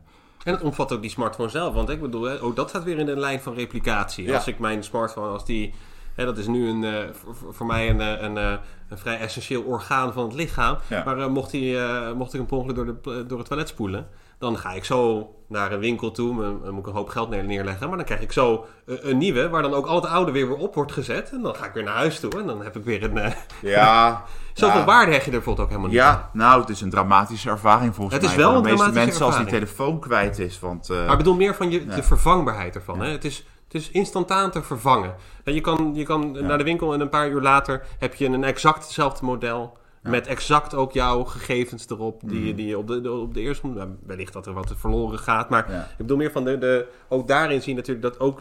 Eh, ook hetgeen wat medieert met die repliceerbare wereld, dat wilde ik eigenlijk zeggen, dat dat ook zelf weer onderdeel is van diezelfde replicatie. Ook in een reeks staat van iPhone 1 tot en met iPhone 10 bijvoorbeeld, Ja. eh, om maar een zijstraat te noemen. Ja, en we worden natuurlijk de hele tijd verleid om nieuwe, nieuwe modellen te kopen. En het wordt ook, eh, het is ook wel interessant als het er om het thema tijd gaat, wat, wat, dat, dat in nieuwe apparaten een bepaalde tijdsduur wordt ingebouwd, zodat je hè, eh, de, het nieuwe apparaat weer zal aanschaffen, omdat je oude eigenlijk niet meer functioneert. Maar nee, zeker. eh, dus, dus ja, telepresentie, hè? wat is dat? Dat is, dat is, dat is een nieuwe, nieuwe categorie. Eh, we, we telehandelen nu. Hè? We, we kunnen allerlei dingen eh, regelen op werk, terwijl we thuis zitten. Dat is in coronatijd natuurlijk erg, erg fijn. Ja. We, we kunnen met elkaar videobellen en vergaderen op die manier en zijn bij elkaar dus telepresent. Ja, Eh, en ik kan eh, handelen in een vergadering terwijl ik gewoon eh, thuis eh, zit. Ja. Ja, want hoe hierbij, hoe hierbij te denken, en dat is een beetje, een beetje de vraag. We, we kunnen, we, kunnen twee, we kunnen een paar kanten op gaan hoor, maar ik wil op een bepaalde manier toch nog wel graag aanstippen, st- st- aanstippen daar wat, wa- wa- wat de rol eigenlijk is van wat Heidegger eh, als stemming of grondstemming aanhaalt. Als manier om de manier waarop de zaken verschijnen, bijvoorbeeld als telepresent, eh, om daar toch eh, bij stil te staan. Ehm, om dat op een bepaalde manier ook in de blik te krijgen.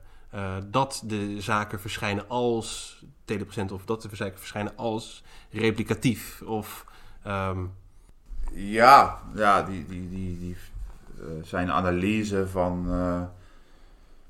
de grondstemmingen, zoals hij dat noemt, dat zijn eigenlijk de, de manier waarop we, dat is een, voor hem een woord voor de wijze waarop wij ons in de wereld bevinden. Ja. Dus ja, hoe bevinden wij ons in de wereld om ons heen? dat is een vraag die je daarbij kunt stellen. we zijn op een bepaalde manier afgestemd. Hè? Dat is ook een woord wat hij dan, tenminste dat... dat, dat, dat ja, bijvoorbeeld afgestemd op zo'n ja, smartphone. Je bent afgestemd op zo'n smartphone en daardoor heb je een bepaalde afgestemdheid ook. Hè. Mm -hmm. ja, je zegt ook, dit is, dit is tijds, hè? dit is een manier om ja. de tijd te, te, verdrijven. Ja, uh, je kunt er de tijd uh, mee uh, verdrijven. De vraag is, wat is tijdverdrijf dan? Dus wat, wat, voor, wat voor manier van je in de wereld bevinden... Hè? is dat tijdverdrijven dan? Dat is een heel interessant woord, tijdverdrijf. Want ja, wat is dat? Kijk, als, als het zo is hè, dat jij de tijd bent, dan ben je dus jezelf aan het verdrijven misschien. Of je bent van jezelf weg aan het drijven of uh, aan het afdrijven. Ja, ja, ja, uh, en en dat, dat uh, is wat, wat Heidegger heel mooi exploreert in, in zijn tijd. Dat je dus voortdurend door allerlei dingen om je heen wordt afgeleid. Dat je jou, jouw manier van denken uh, heel erg wordt bepaald door het gesprek van de dag. Dus uh, dat, zo noem ik het maar even, het gesprek van de dag. Hè. Dus de, eh, de mensen om je heen agenderen allerlei zaken. Zeker als je uh, je nu.nl app ge, hebt geïnstalleerd. Dat heet dan, dan ook nu.nl? Dat heet, dat, dat, dat, dat, neem ik niet zomaar als voorbeeld natuurlijk, hè, want dat is een heel mooie naam. Maar als je, als je dus voortdurend wordt bestookt met al die meldingen van nu.nl, wat er dus nu gebeurt, wat er nu gaande is, ja, dan, dan, dan is dat dus een wereld van de anderen die zich steeds aan jou aandoet. En dat zijn niet de fysieke anderen om jou heen, maar het zijn allerlei nieuws waardigheidjes en weetjes. Die dringen um, continu aan je op. En, en in zekere zin, hoe meer je daarin zit, hoe meer je natuurlijk ja, het idee hebt dat dat dan, nou ja, goed, uh, de wereld is en datgene is wat, wat, wat je moet weten, wat je dient te weten. Want het is het gesprek van de dag. Want het ben, je niet, anders ben je uit de tijd. Anders ben je uit, uit de tijd. Ook een mooie, mooie manier van zeggen, ja.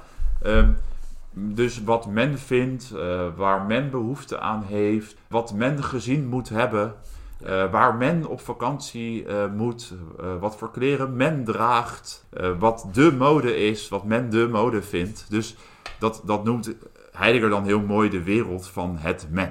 Hè? Ja. Dus ja. we worden daar ingezogen in die wereld van het men, waarin men van alles en nog wat zou vinden en willen en moeten. En ja, hoe meer wij daarin in, in ondergedompeld worden, hoe meer onze eigen tijd misschien wordt ingevuld met datgene waaraan anderen hun tijd besteden. Of uh, waar, hè, waar, waarvan zij vinden dat ik mijn, waaraan ik mijn tijd zou moeten besteden. Of, dus op die manier uh, raak ik op een bepaalde manier buiten mijzelf. Dus waar ik afgestemd ben op nu.nl, ja.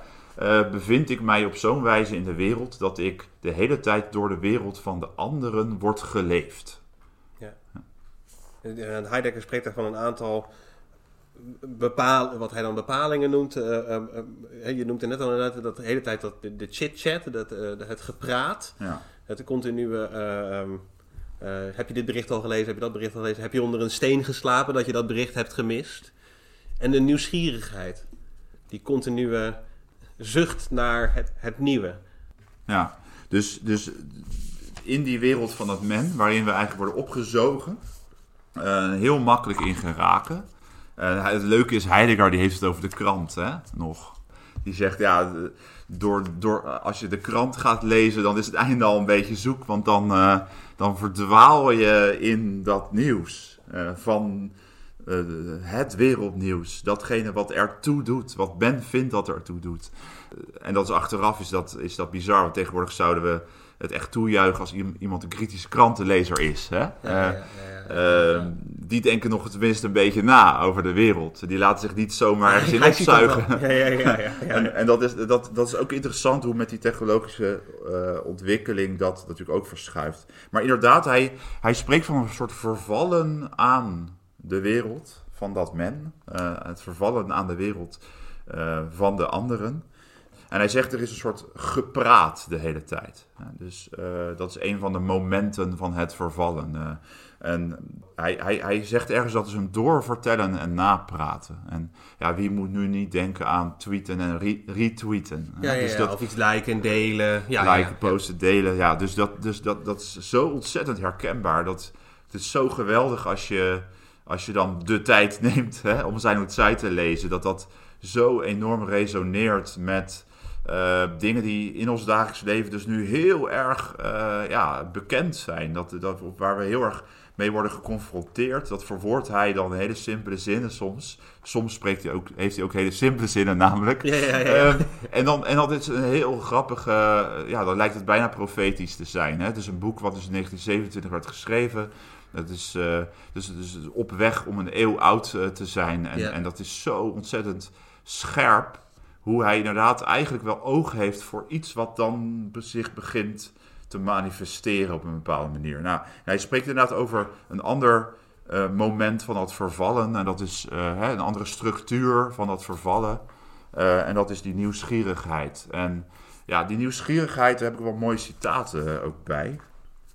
De vrij geworden nieuwsgierigheid bezorgt een zien, maar niet om te verstaan wat zij ziet, niet om in een zijnsbetrekking tot dit zijnde te geraken, maar enkel om te zien. Zij zoekt het nieuwe alleen om van daaruit opnieuw naar iets nieuws over te springen. Einde citaat. Ja, dit, ja, je ziet iemand uh, klikken en swipen. Mm -hmm. Hè, zappen zeiden we eerst met de televisie. Nu is het swipen. Ja, ja, of scrollen. scrollen. Of, hè, dus, maar, maar, maar dus we zijn steeds, klikken we weer op iets nieuws. En dan weer op iets nieuws. We, we blijven daar niet bij. We zijn niet... We, gaan, we, hebben de tijd, we nemen ons de tijd niet om op internet dan heel erg lang na te denken. Misschien bij iets wat we zien we gaan door of, of doen. Maar er doet zich alweer een andere interessante hyperlink aan. En we komen in die hyperrealiteit van hyperlinks terecht. Uh, en waar... ook zijn met die feed, hè? Dat je Ja. oneindige feed of de oneindige eh, Ja. reel aan kleine Ja. filmpjes. Ja. Die is ook heel erg erop geënt. Dat het ook even kort, eh, even de aandacht vasthoudt, maar dus niet, niet het denken vasthoudt. Ja, en wat, wat dus prachtig is om te zien, is dat Heidegger zegt, er is een soort menselijke tendens. Mhm. Dat, dat is die tendens van het gepraat, dat is die tendens van die nieuwsgierigheid. En dat zijn structurele momenten, dat zijn structuren van dat vervallen aan de wereld. En wat heel mooi is om te zien, is eigenlijk dat je ziet dat die nieuwe technologie, die smart technologie, die apps, die tech designers, die zijn daarmee aan de haal. Hè? Dus die, die gaan daarmee aan de haal. Want die weten, mensen hebben die tendens om steeds iets nieuws te willen. Ze hebben die onrust, die hebben ze eigenlijk al. En ze zijn geneigd steeds op zoek te gaan naar dingen buiten hen. En eh afleiding, ze willen afleiding, ze willen verpozing. Eh Heidegger spreekt van zerstrooiing, dus verstrooiing willen ze zoeken. Eh, en dat is precies waar die nieuwe technologie natuurlijk in voorziet. Dus die tech-designers die hebben, hebben echt kennis van, van, van onze psychosociale behoeftes. En, en Heidegger die heeft met die nieuwsgierigheid natuurlijk niets anders eh, voor ogen dan wat wij nu die fear of missing out noemen. Hè? Dus de, de, die angst om iets te, te missen ook. Ja, ja, ja. Eh, dus steeds maar weer door en door en door. Naar iets nieuws, naar iets nieuws, naar iets nieuws. En eh, ja, er, er zijn ja, het hele mooie. Wat, wat ook mooi is, bijvoorbeeld op Facebook, dan heb je een. Dan kan je allerlei dingen agenderen. Hè? Je kan allerlei dingen in je persoonlijke agenda plaatsen. allemaal events Dus- kan, je, kan je bijwonen. ja, eh, Ja, ja. events, eh, dus allemaal evenementen, weet ik veel. Allemaal, eh, vroeger had je nog festivals. Misschien komt dat ooit weer. Hè? nu in de coronatijd wat minder. Maar lezingen en dat soort zaken. En je kunt dan... Het leuke is, hè, als je dat ook... Als je die dingen in jouw agenda zet, dan zeg je dus eigenlijk van ik ga daarheen. En eh, je laat tegelijkertijd ook iedereen zien dat je erheen gaat. Dus eh, volgens mij zijn best wel wat mensen bezig met het, ook het imago wat dat alweer schept. Want Mhm. ik ga naar een hele interessante, ingewikkelde lezing over kwantummechanica. En dan Oké. zien mensen natuurlijk dat jij daarheen gaat. Eh, het leuke is dat, dat, dat ja, je wordt steeds verleid ook misschien om je agenda dan aan te vullen met interessante ja, ja. dingen. Maar eigenlijk ga je er uiteindelijk ga je er misschien ook helemaal niet heen. En, en dus je bent, je bent ook bezig met een soort verplaatsing al bij een evenement wat gaat komen, maar waar je uiteindelijk dan waarschijnlijk weer niet heen gaat. Mhm. Eh, en je bent ook verplaatst bij de anderen die lezen dat jij daarheen gaat. En ja, het, het, eigenlijk ben je hele tijd bezig met een soort van eh, geschieden. Hè? Allerlei dingen die zich kunnen, kunnen aandoen of die, die gaan gebeuren. Waar jij eigenlijk, ja, die eigenlijk niet zoveel aan jouw leven toevoegen misschien. Dus het, het zou zo kunnen zijn dat je voortdurend allerlei essentiële zaken ontdekt. Die uiteindelijk helemaal niet zo essentieel bijdragen aan jouw daadwerkelijke leven. Hè? Er gebeuren allerlei dingen. eh, en je kunt ook daar misschien nog een onderdeel van zijn. Dat die belofte is er steeds. Eh, er zijn events, daar kan je heen. Maar uiteindelijk doe je dat dan niet. En, maar je, bent wel, eh, je hebt wel al heel veel tijd de hele tijd verloren met, met die verplaatsing. eh, ja, met die grote belofte. En eh, er was ook een artikel dat ik een keer las over influencers. Die ook op Instagram aan het werk zijn om mensen naar bepaalde vakantiehuisjes te krijgen. En dat is gewoon, ja, dat is echt een mooi verhaal. Dat, dat, dat, dat, dan, dan zie je dus iemand in zo'n vakantiehuisje eh, met zo'n mooie glazen pui. En op de achtergrond zie je dan een, een heel fijn boslandschap. En er is Mhm. ook helemaal niemand verder. En zo iemand die zit op kleermakers zit op de grond voor zo'n bank. Voor zo'n open haard natuurlijk. Eh, wie wil het niet, hè? En daar staat dan iets bij van eh, even helemaal terug bij mezelf. Hè? En dat blijkt dan een influencer te zijn die werkt voor zo'n vakantiepark. En eh, met enkele klikken heb je dat al dat huisje geboekt. Want je hebt die enorme belofte dat daar het echte leven pas is. Je hebt nu dat Ja. drukke bestaan, je bent aan het werk, je hebt de hele tijd die smartphone. Maar hè, hè, die smartphone heeft mij gelukkig, eh, heeft het ook iets goeds. Want ik heb door mijn geweldige Instagram-account, heb ik nu een plek gevonden waar ik dat even allemaal niet heb misschien. Mhm. Waar ik even inderdaad helemaal bij mezelf kan komen. En dan ga ik dus eh, naar dat huisje toe eh, om bij mezelf te komen. En kom je dan ook bij jezelf? Lukt het je ook? Misschien eh bevangt je meteen een soort onrust van: oké, wat is dat zelf dan? Of waar is mijn nieuwe belofte? Eh, waar en, en, en hoe eh, ga ik er nu voor zorgen dat deze week inderdaad die enorm epische week is? Misschien denk je al eh, stiekem aan de foto's die je op Instagram kan zetten van jou in dat huisje. Ja, lukt het je om die verplaatsing eh, niet meer te hebben? En ja, je wordt enorm geconfronteerd dan eh, met, met jezelf. eh, terwijl je eigenlijk niet meer weet wie dat, wie dat is. Mhm. En je krijgt dan misschien het lumineuze idee om Oorlog en Vrede dan maar te lezen. Omdat men vindt dat je dat in het leven gelezen moet hebben. Dus ontsnap je aan dat men? Dat is dan, dat is dan natuurlijk de vraag. En ja, dat is een prachtig hoe, hoe Heidegger natuurlijk eigenlijk dat, dat die tendens eh, van dat vervallen eh, beschrijft. En hoe je daar ook heel lastig natuurlijk van weg kan komen. Maar je kunt het wel doorzien bij jezelf. Hè? Dus dat ja, is want het dat is volgens mij inderdaad waar. Want je zei wat meer aan het begin van het gesprek. Het heeft ook weer geen zin om als een nostal- nostalgicus ehm, terug te willen verlangen naar eh, de, de, de wereld. Zonder dat men, eh, zonder die nieuwsgierigheid, zonder, dat, zonder inderdaad die belofte die misschien nooit vervuld wordt. Of dat je dat ook niet zomaar 1, 2, 3 naast neer kan leggen. Je zou ook nog zelfs kunnen zeggen. Er zijn natuurlijk ook talloze mensen, techno-optimisten, die zeggen ook helemaal, die ook helemaal geen probleem mer- bemerken. Hè, die ehm, denken, nou, ik scroll me gewoon een, eh, een lustig eind en ik eh, glimlach erbij. Dat is voor mij ook helemaal geen probleem. Want je zegt inderdaad dan, oké, je kan daar helemaal in opgaan. Maar er lijkt ook nog een kleine uitsparing in de muur toch te, te, te worden geclaimd door jou. Er lijkt een, toch een, zekere afstandneming eh, van die techniek. Zonder dat je hem eh, hè, bij in, in de prullenbak gooit of, of, of, of wegzet. Of inderdaad terug verlangt naar een tijd zonder dan die smartphone. Is er toch nog een bewegingsruimte. Ja, in, in lijn met, eh, met dat technologisch interactionisme, hè, gaat de twee kanten op. Uh, was dat Doe maar, die zong, hey, er zit een knop op mijn tv, uh, toch? Uh, ja, dat, dat ik wel. ja, dus, en, en zo zit er ook een knop op je smartphone. je, kunt een, je kunt allerlei notificaties uitzetten.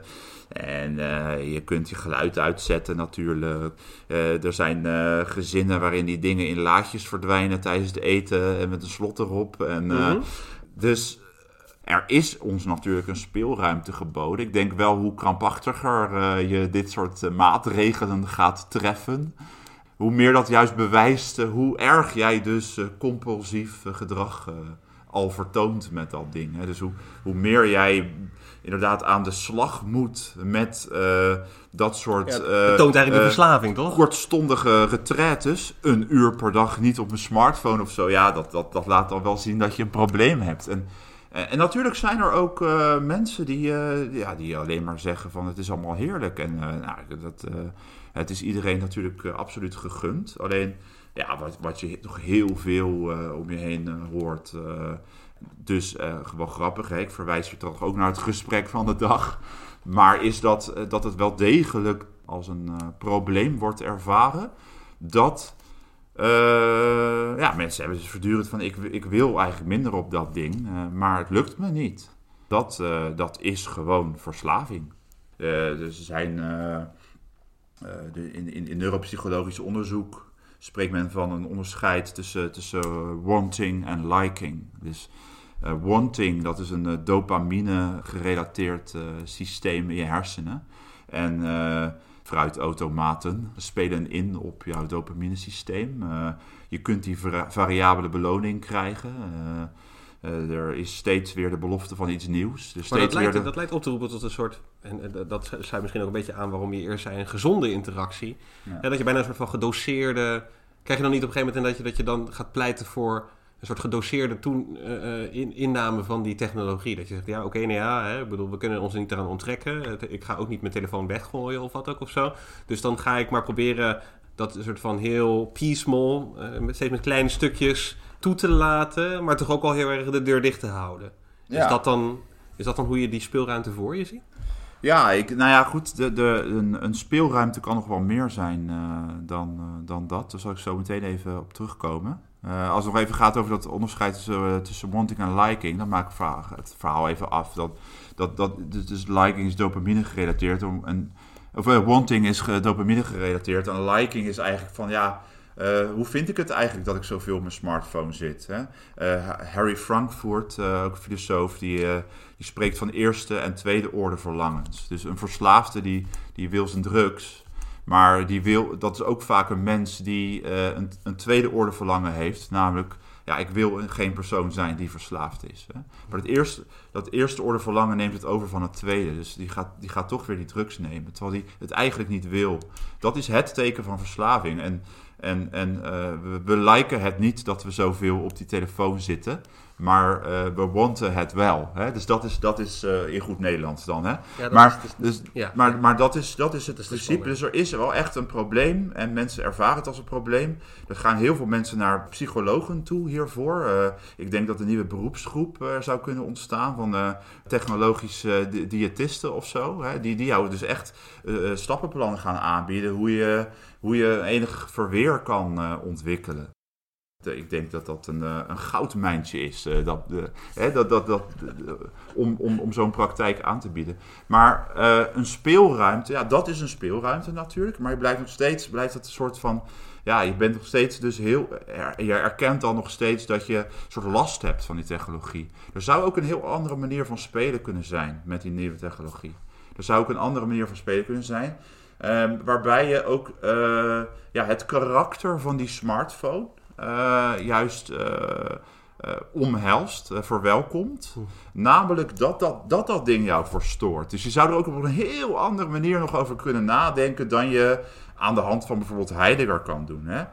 je kunt aan de hand van Heidegger kan je heel kritisch ja. onderzoeken wat die smartphone eigenlijk doet en hoe dat jou dus eigenlijk opzuigt in die wereld van dat men. Vervreemd van het zelf. vervreemding enzovoort. En, en, niet stilstaan bij de zaken. Ja, ja. je geraakt dus in een oneigenlijke tijd. Want ja, dat kan je met Heidegger dan dus wel zeggen. Hè? Uh -huh. die conclusie hadden we misschien nog niet duidelijk gemaakt dan. Hè? Maar dat met Heidegger zou je dus kunnen zeggen, ja, die oneigenlijke tijd, dat is, dat is die tijd van, die je dus in dat wereld van dat men doorbrengt. En daarin word je opgezogen.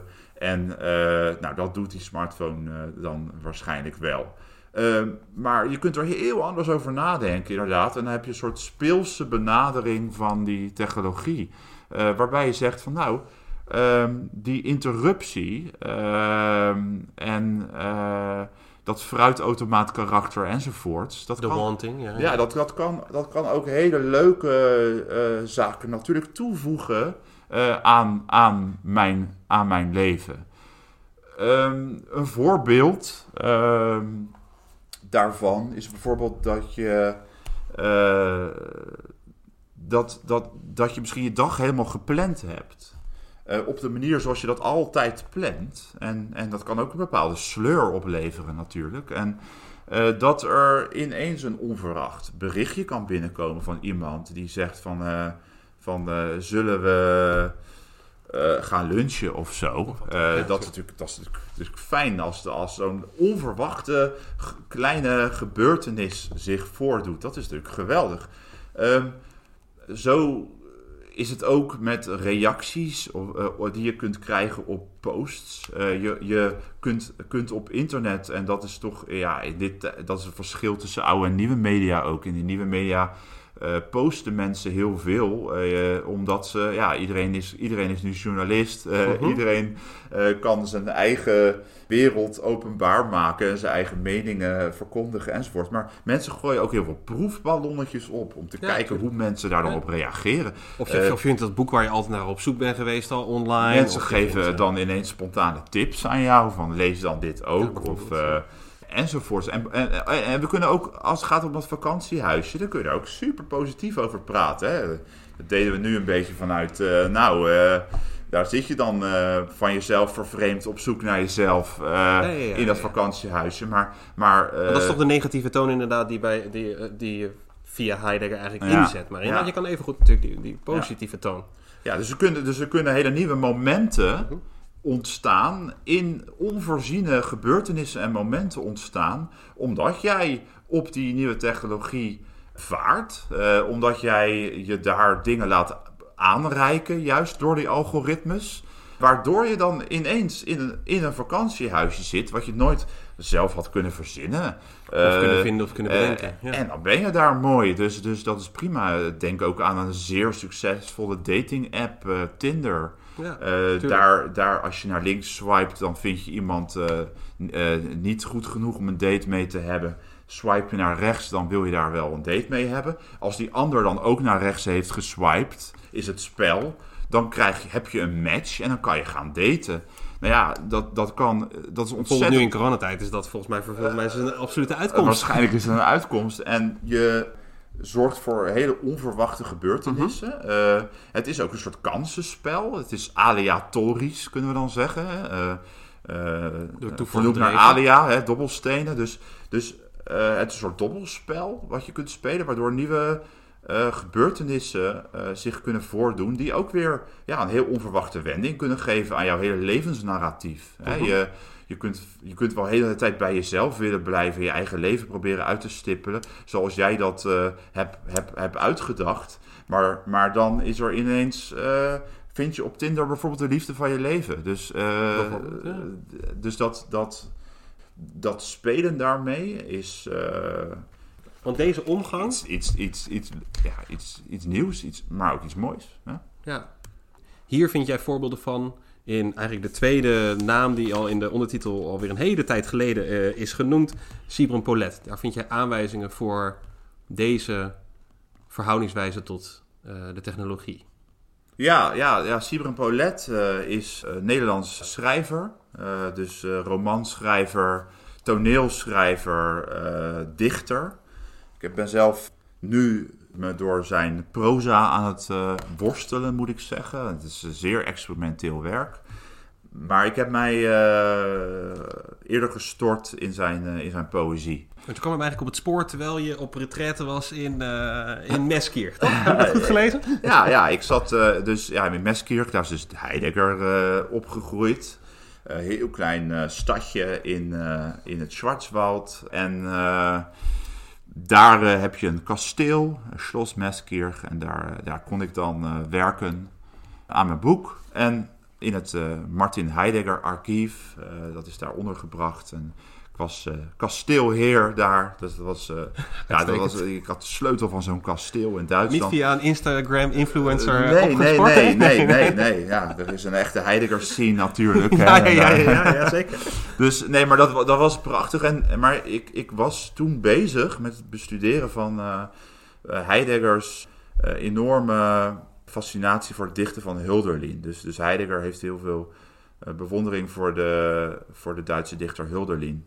Nou ziet in het dichten ziet hij een soort van uh, ja, een, een, een, tegenhanger van de taal die opkomt in ons informatietijdperk. Dus in dit tijdperk van nieuwe informatietechnologie uh, is er een soort andere verhouding tot de taal aan het ontstaan. Want wij willen eigenlijk dat taal uh, efficiënt en eenduidig is, om het kort samen te vatten. dus als, zo gauw we die computers gaan programmeren en de taal reduceren tot 1 en nullen, gaat het erom dat schrifttekens eenduidig kunnen worden vertaald. En uh, we, we, willen efficiënte, wrijvingsloze communicatie. En mhm. die taalbenadering, daar, hij zegt nou, er gaat iets verloren. En wat daar verloren gaat, is een soort dichterlijke taal.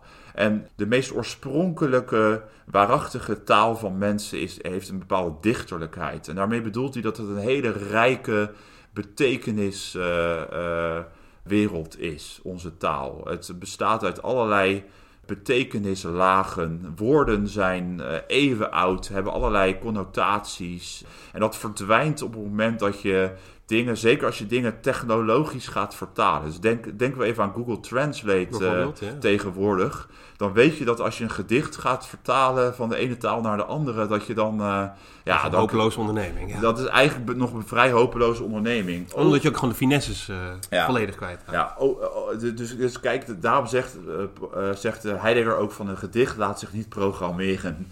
Uh, oh, ja, ja, nu zijn er tegenwoordig al heel veel kanttekeningen bij te plaatsen, want we hebben nu taaltechnologie die dus ja, helaas echt het gaat gebeuren de mooiste gedichten gaat schrijven, maar ook, uh, dat doet het ook al, maar, maar ook echt, echt heel mooi kan vertalen. Zeker. dus, maar, dus ik was bezig met, met, met ja, die, die technologie, uh, met, met, met Heideggers gedachten over de taal die ontstaat uh, in het tijdperk van de informatietechniek. Hij zegt dat die taal noemt hij informatie, informationele taal, efficiënte prozaïsche taal. Hè? En die, ja, daarmee verdwijnt een bepaalde dichterlijkheid uh, van ons spreken.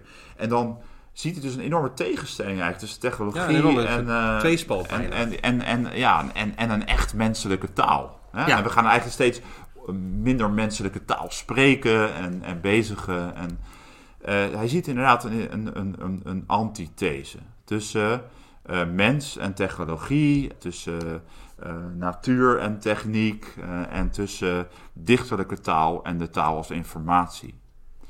En Paulet, ja, ik had ook, ik was, ik was al nieuwsgierig naar Paulet. Ik had een heel mooi gedicht gelezen, Synthetische Mens. En dat, dat bezingt, als het ware, die samensmelting juist van de mensen en de technologie. En ik niet, dacht, niet lang als elkaars opponenten. Ja. Spreken naast de informatisering, maar... Dus niet die antithese van mens tegenover technologie en zijn dichterlijke taal tegenover de taal als informatie, maar de synthese daarvan. ik, ik zing het synthetische woord. Ik zing de synthetische taal. Ik bezing de synthetische mens, schrijft uh, Paulette. En die dichter, Paulette, die, die heeft in de jaren 60, 70 heeft die, uh, heel avant-gardistische poëzie geschreven.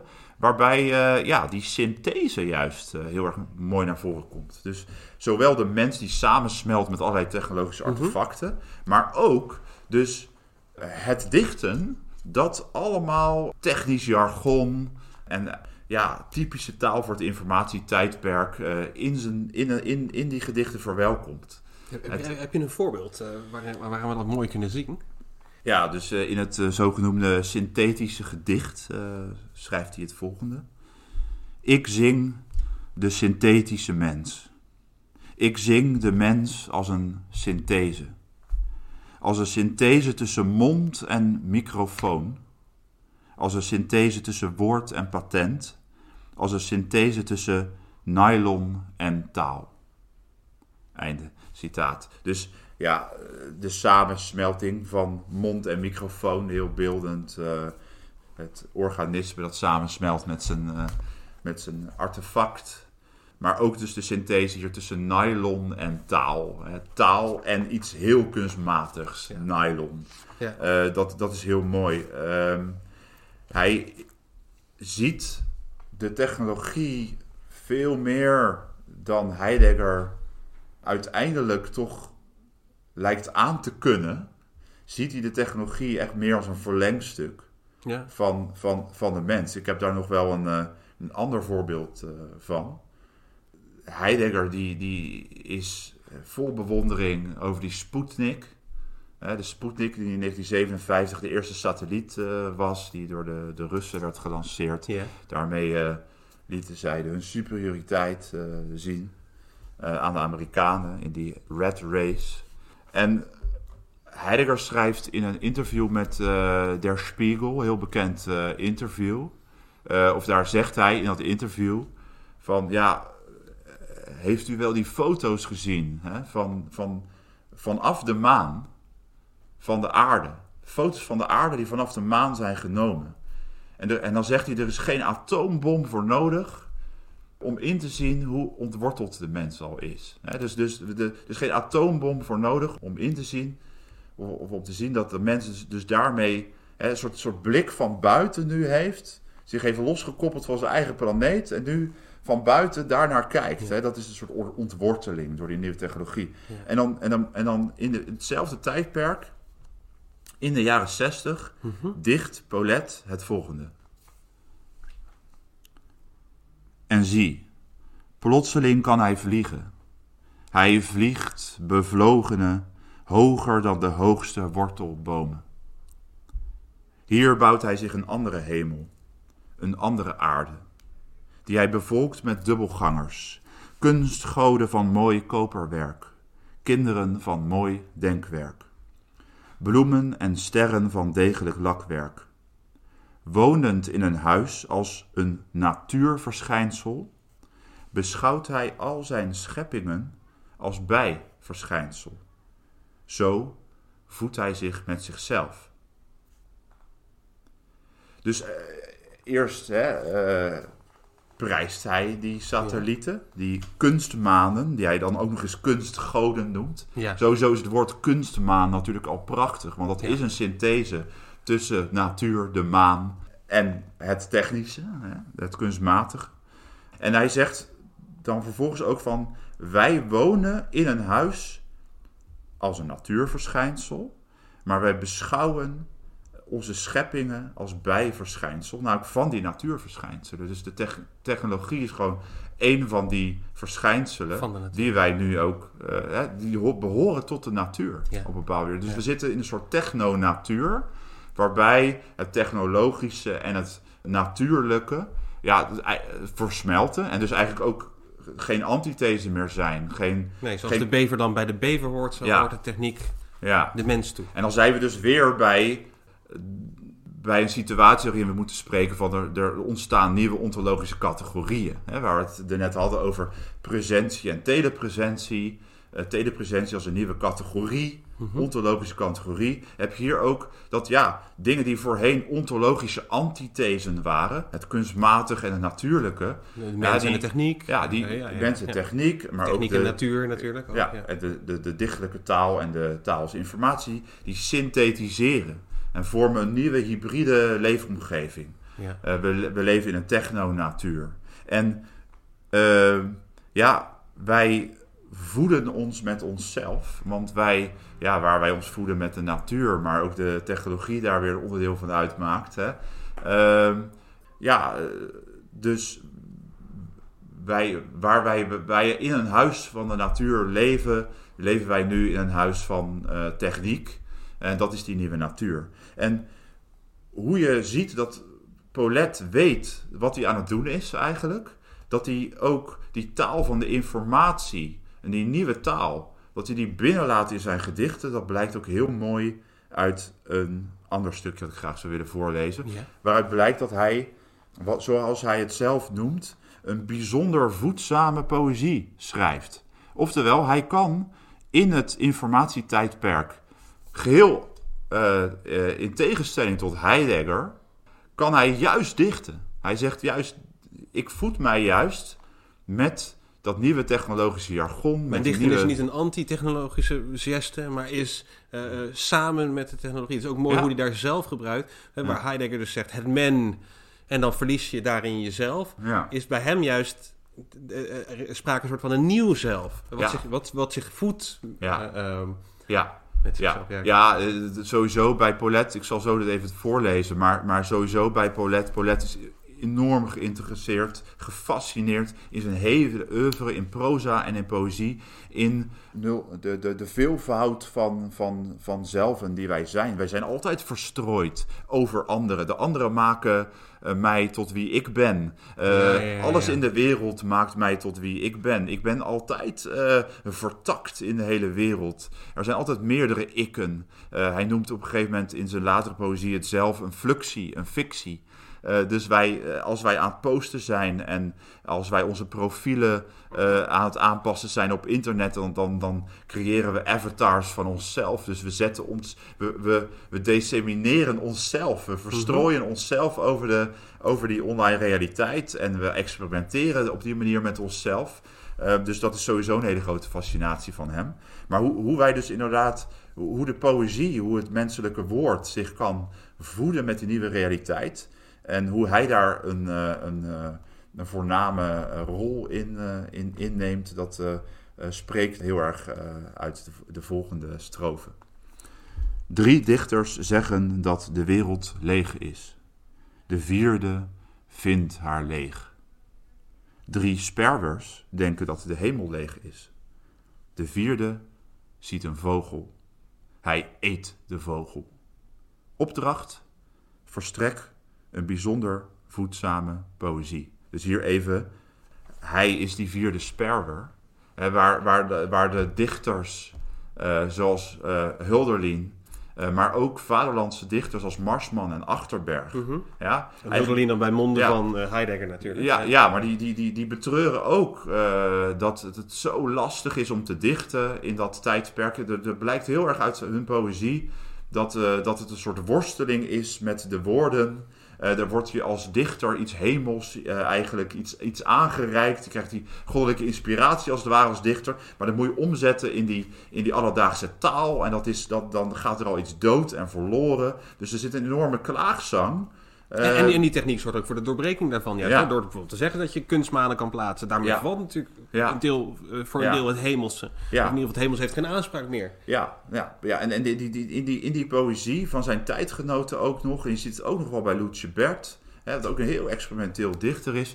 Zie je toch dat er een bepaalde metafysische orde nog is. Met die tegenstellingen allemaal. En dat het dichten in de, in de poëzie is dan, een, is dan eigenlijk een uh, bepaalde ja, er is een bepaalde hang naar om die poëzie dus een beetje buiten de wereld te plaatsen. Als een soort van ja, een, heel bijzonder domein waarbij iets goddelijks of iets hemels plaatsvindt. Ja. Uh, losgezongen uh, van die technische wereld. En die ja, best wel ja. losgezongen dan van die wereld zoals die dan op dat moment echt is. En, en wat doet Paulette? Die haalt die hele wereld gewoon naar binnen.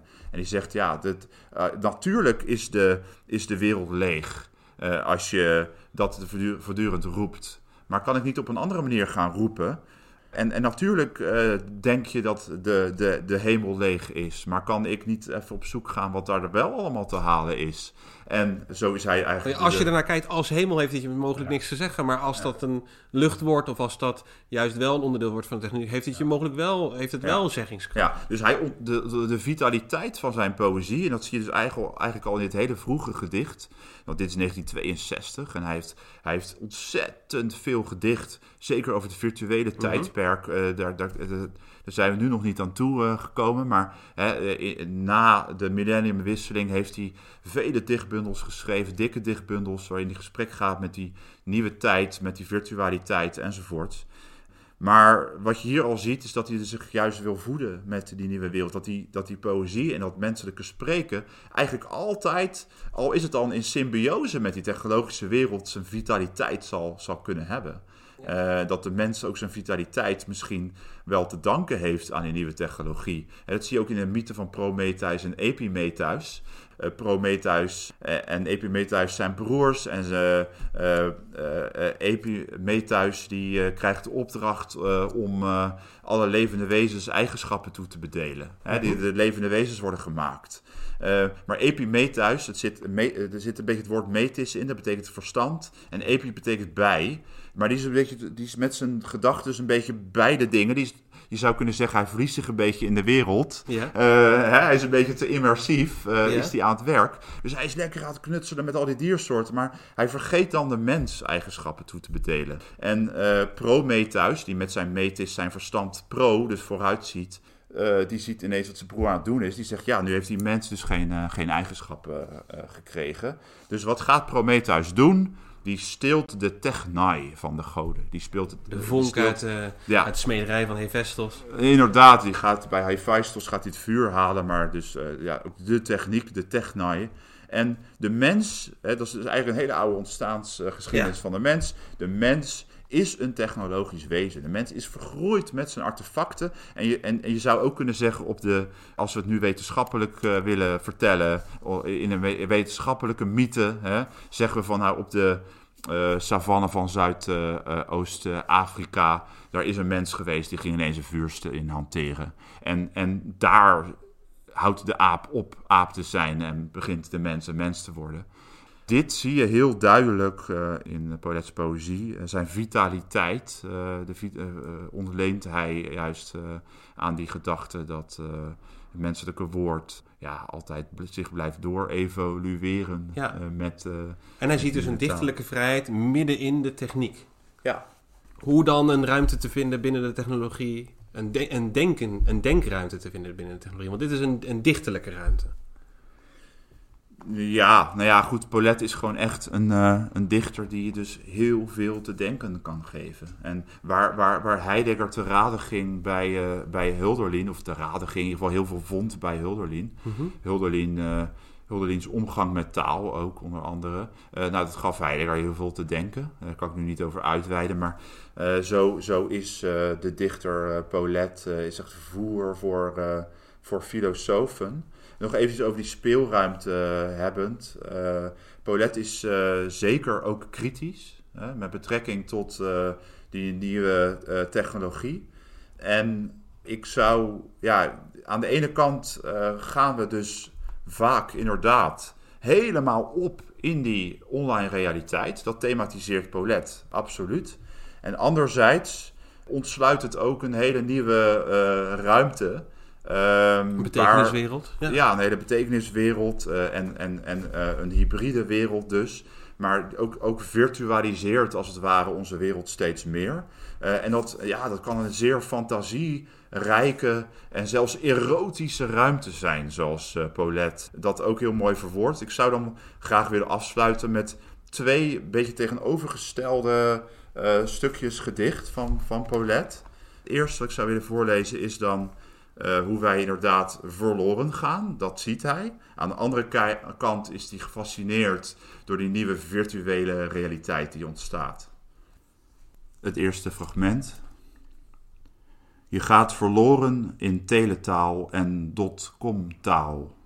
In serieschakelingen en eindeloze nevenschikkingen. In bizarre toevalsrelaties en tyrannieke connecties. Je gaat verloren. Je gaat verloren in het alomtegenwoordige.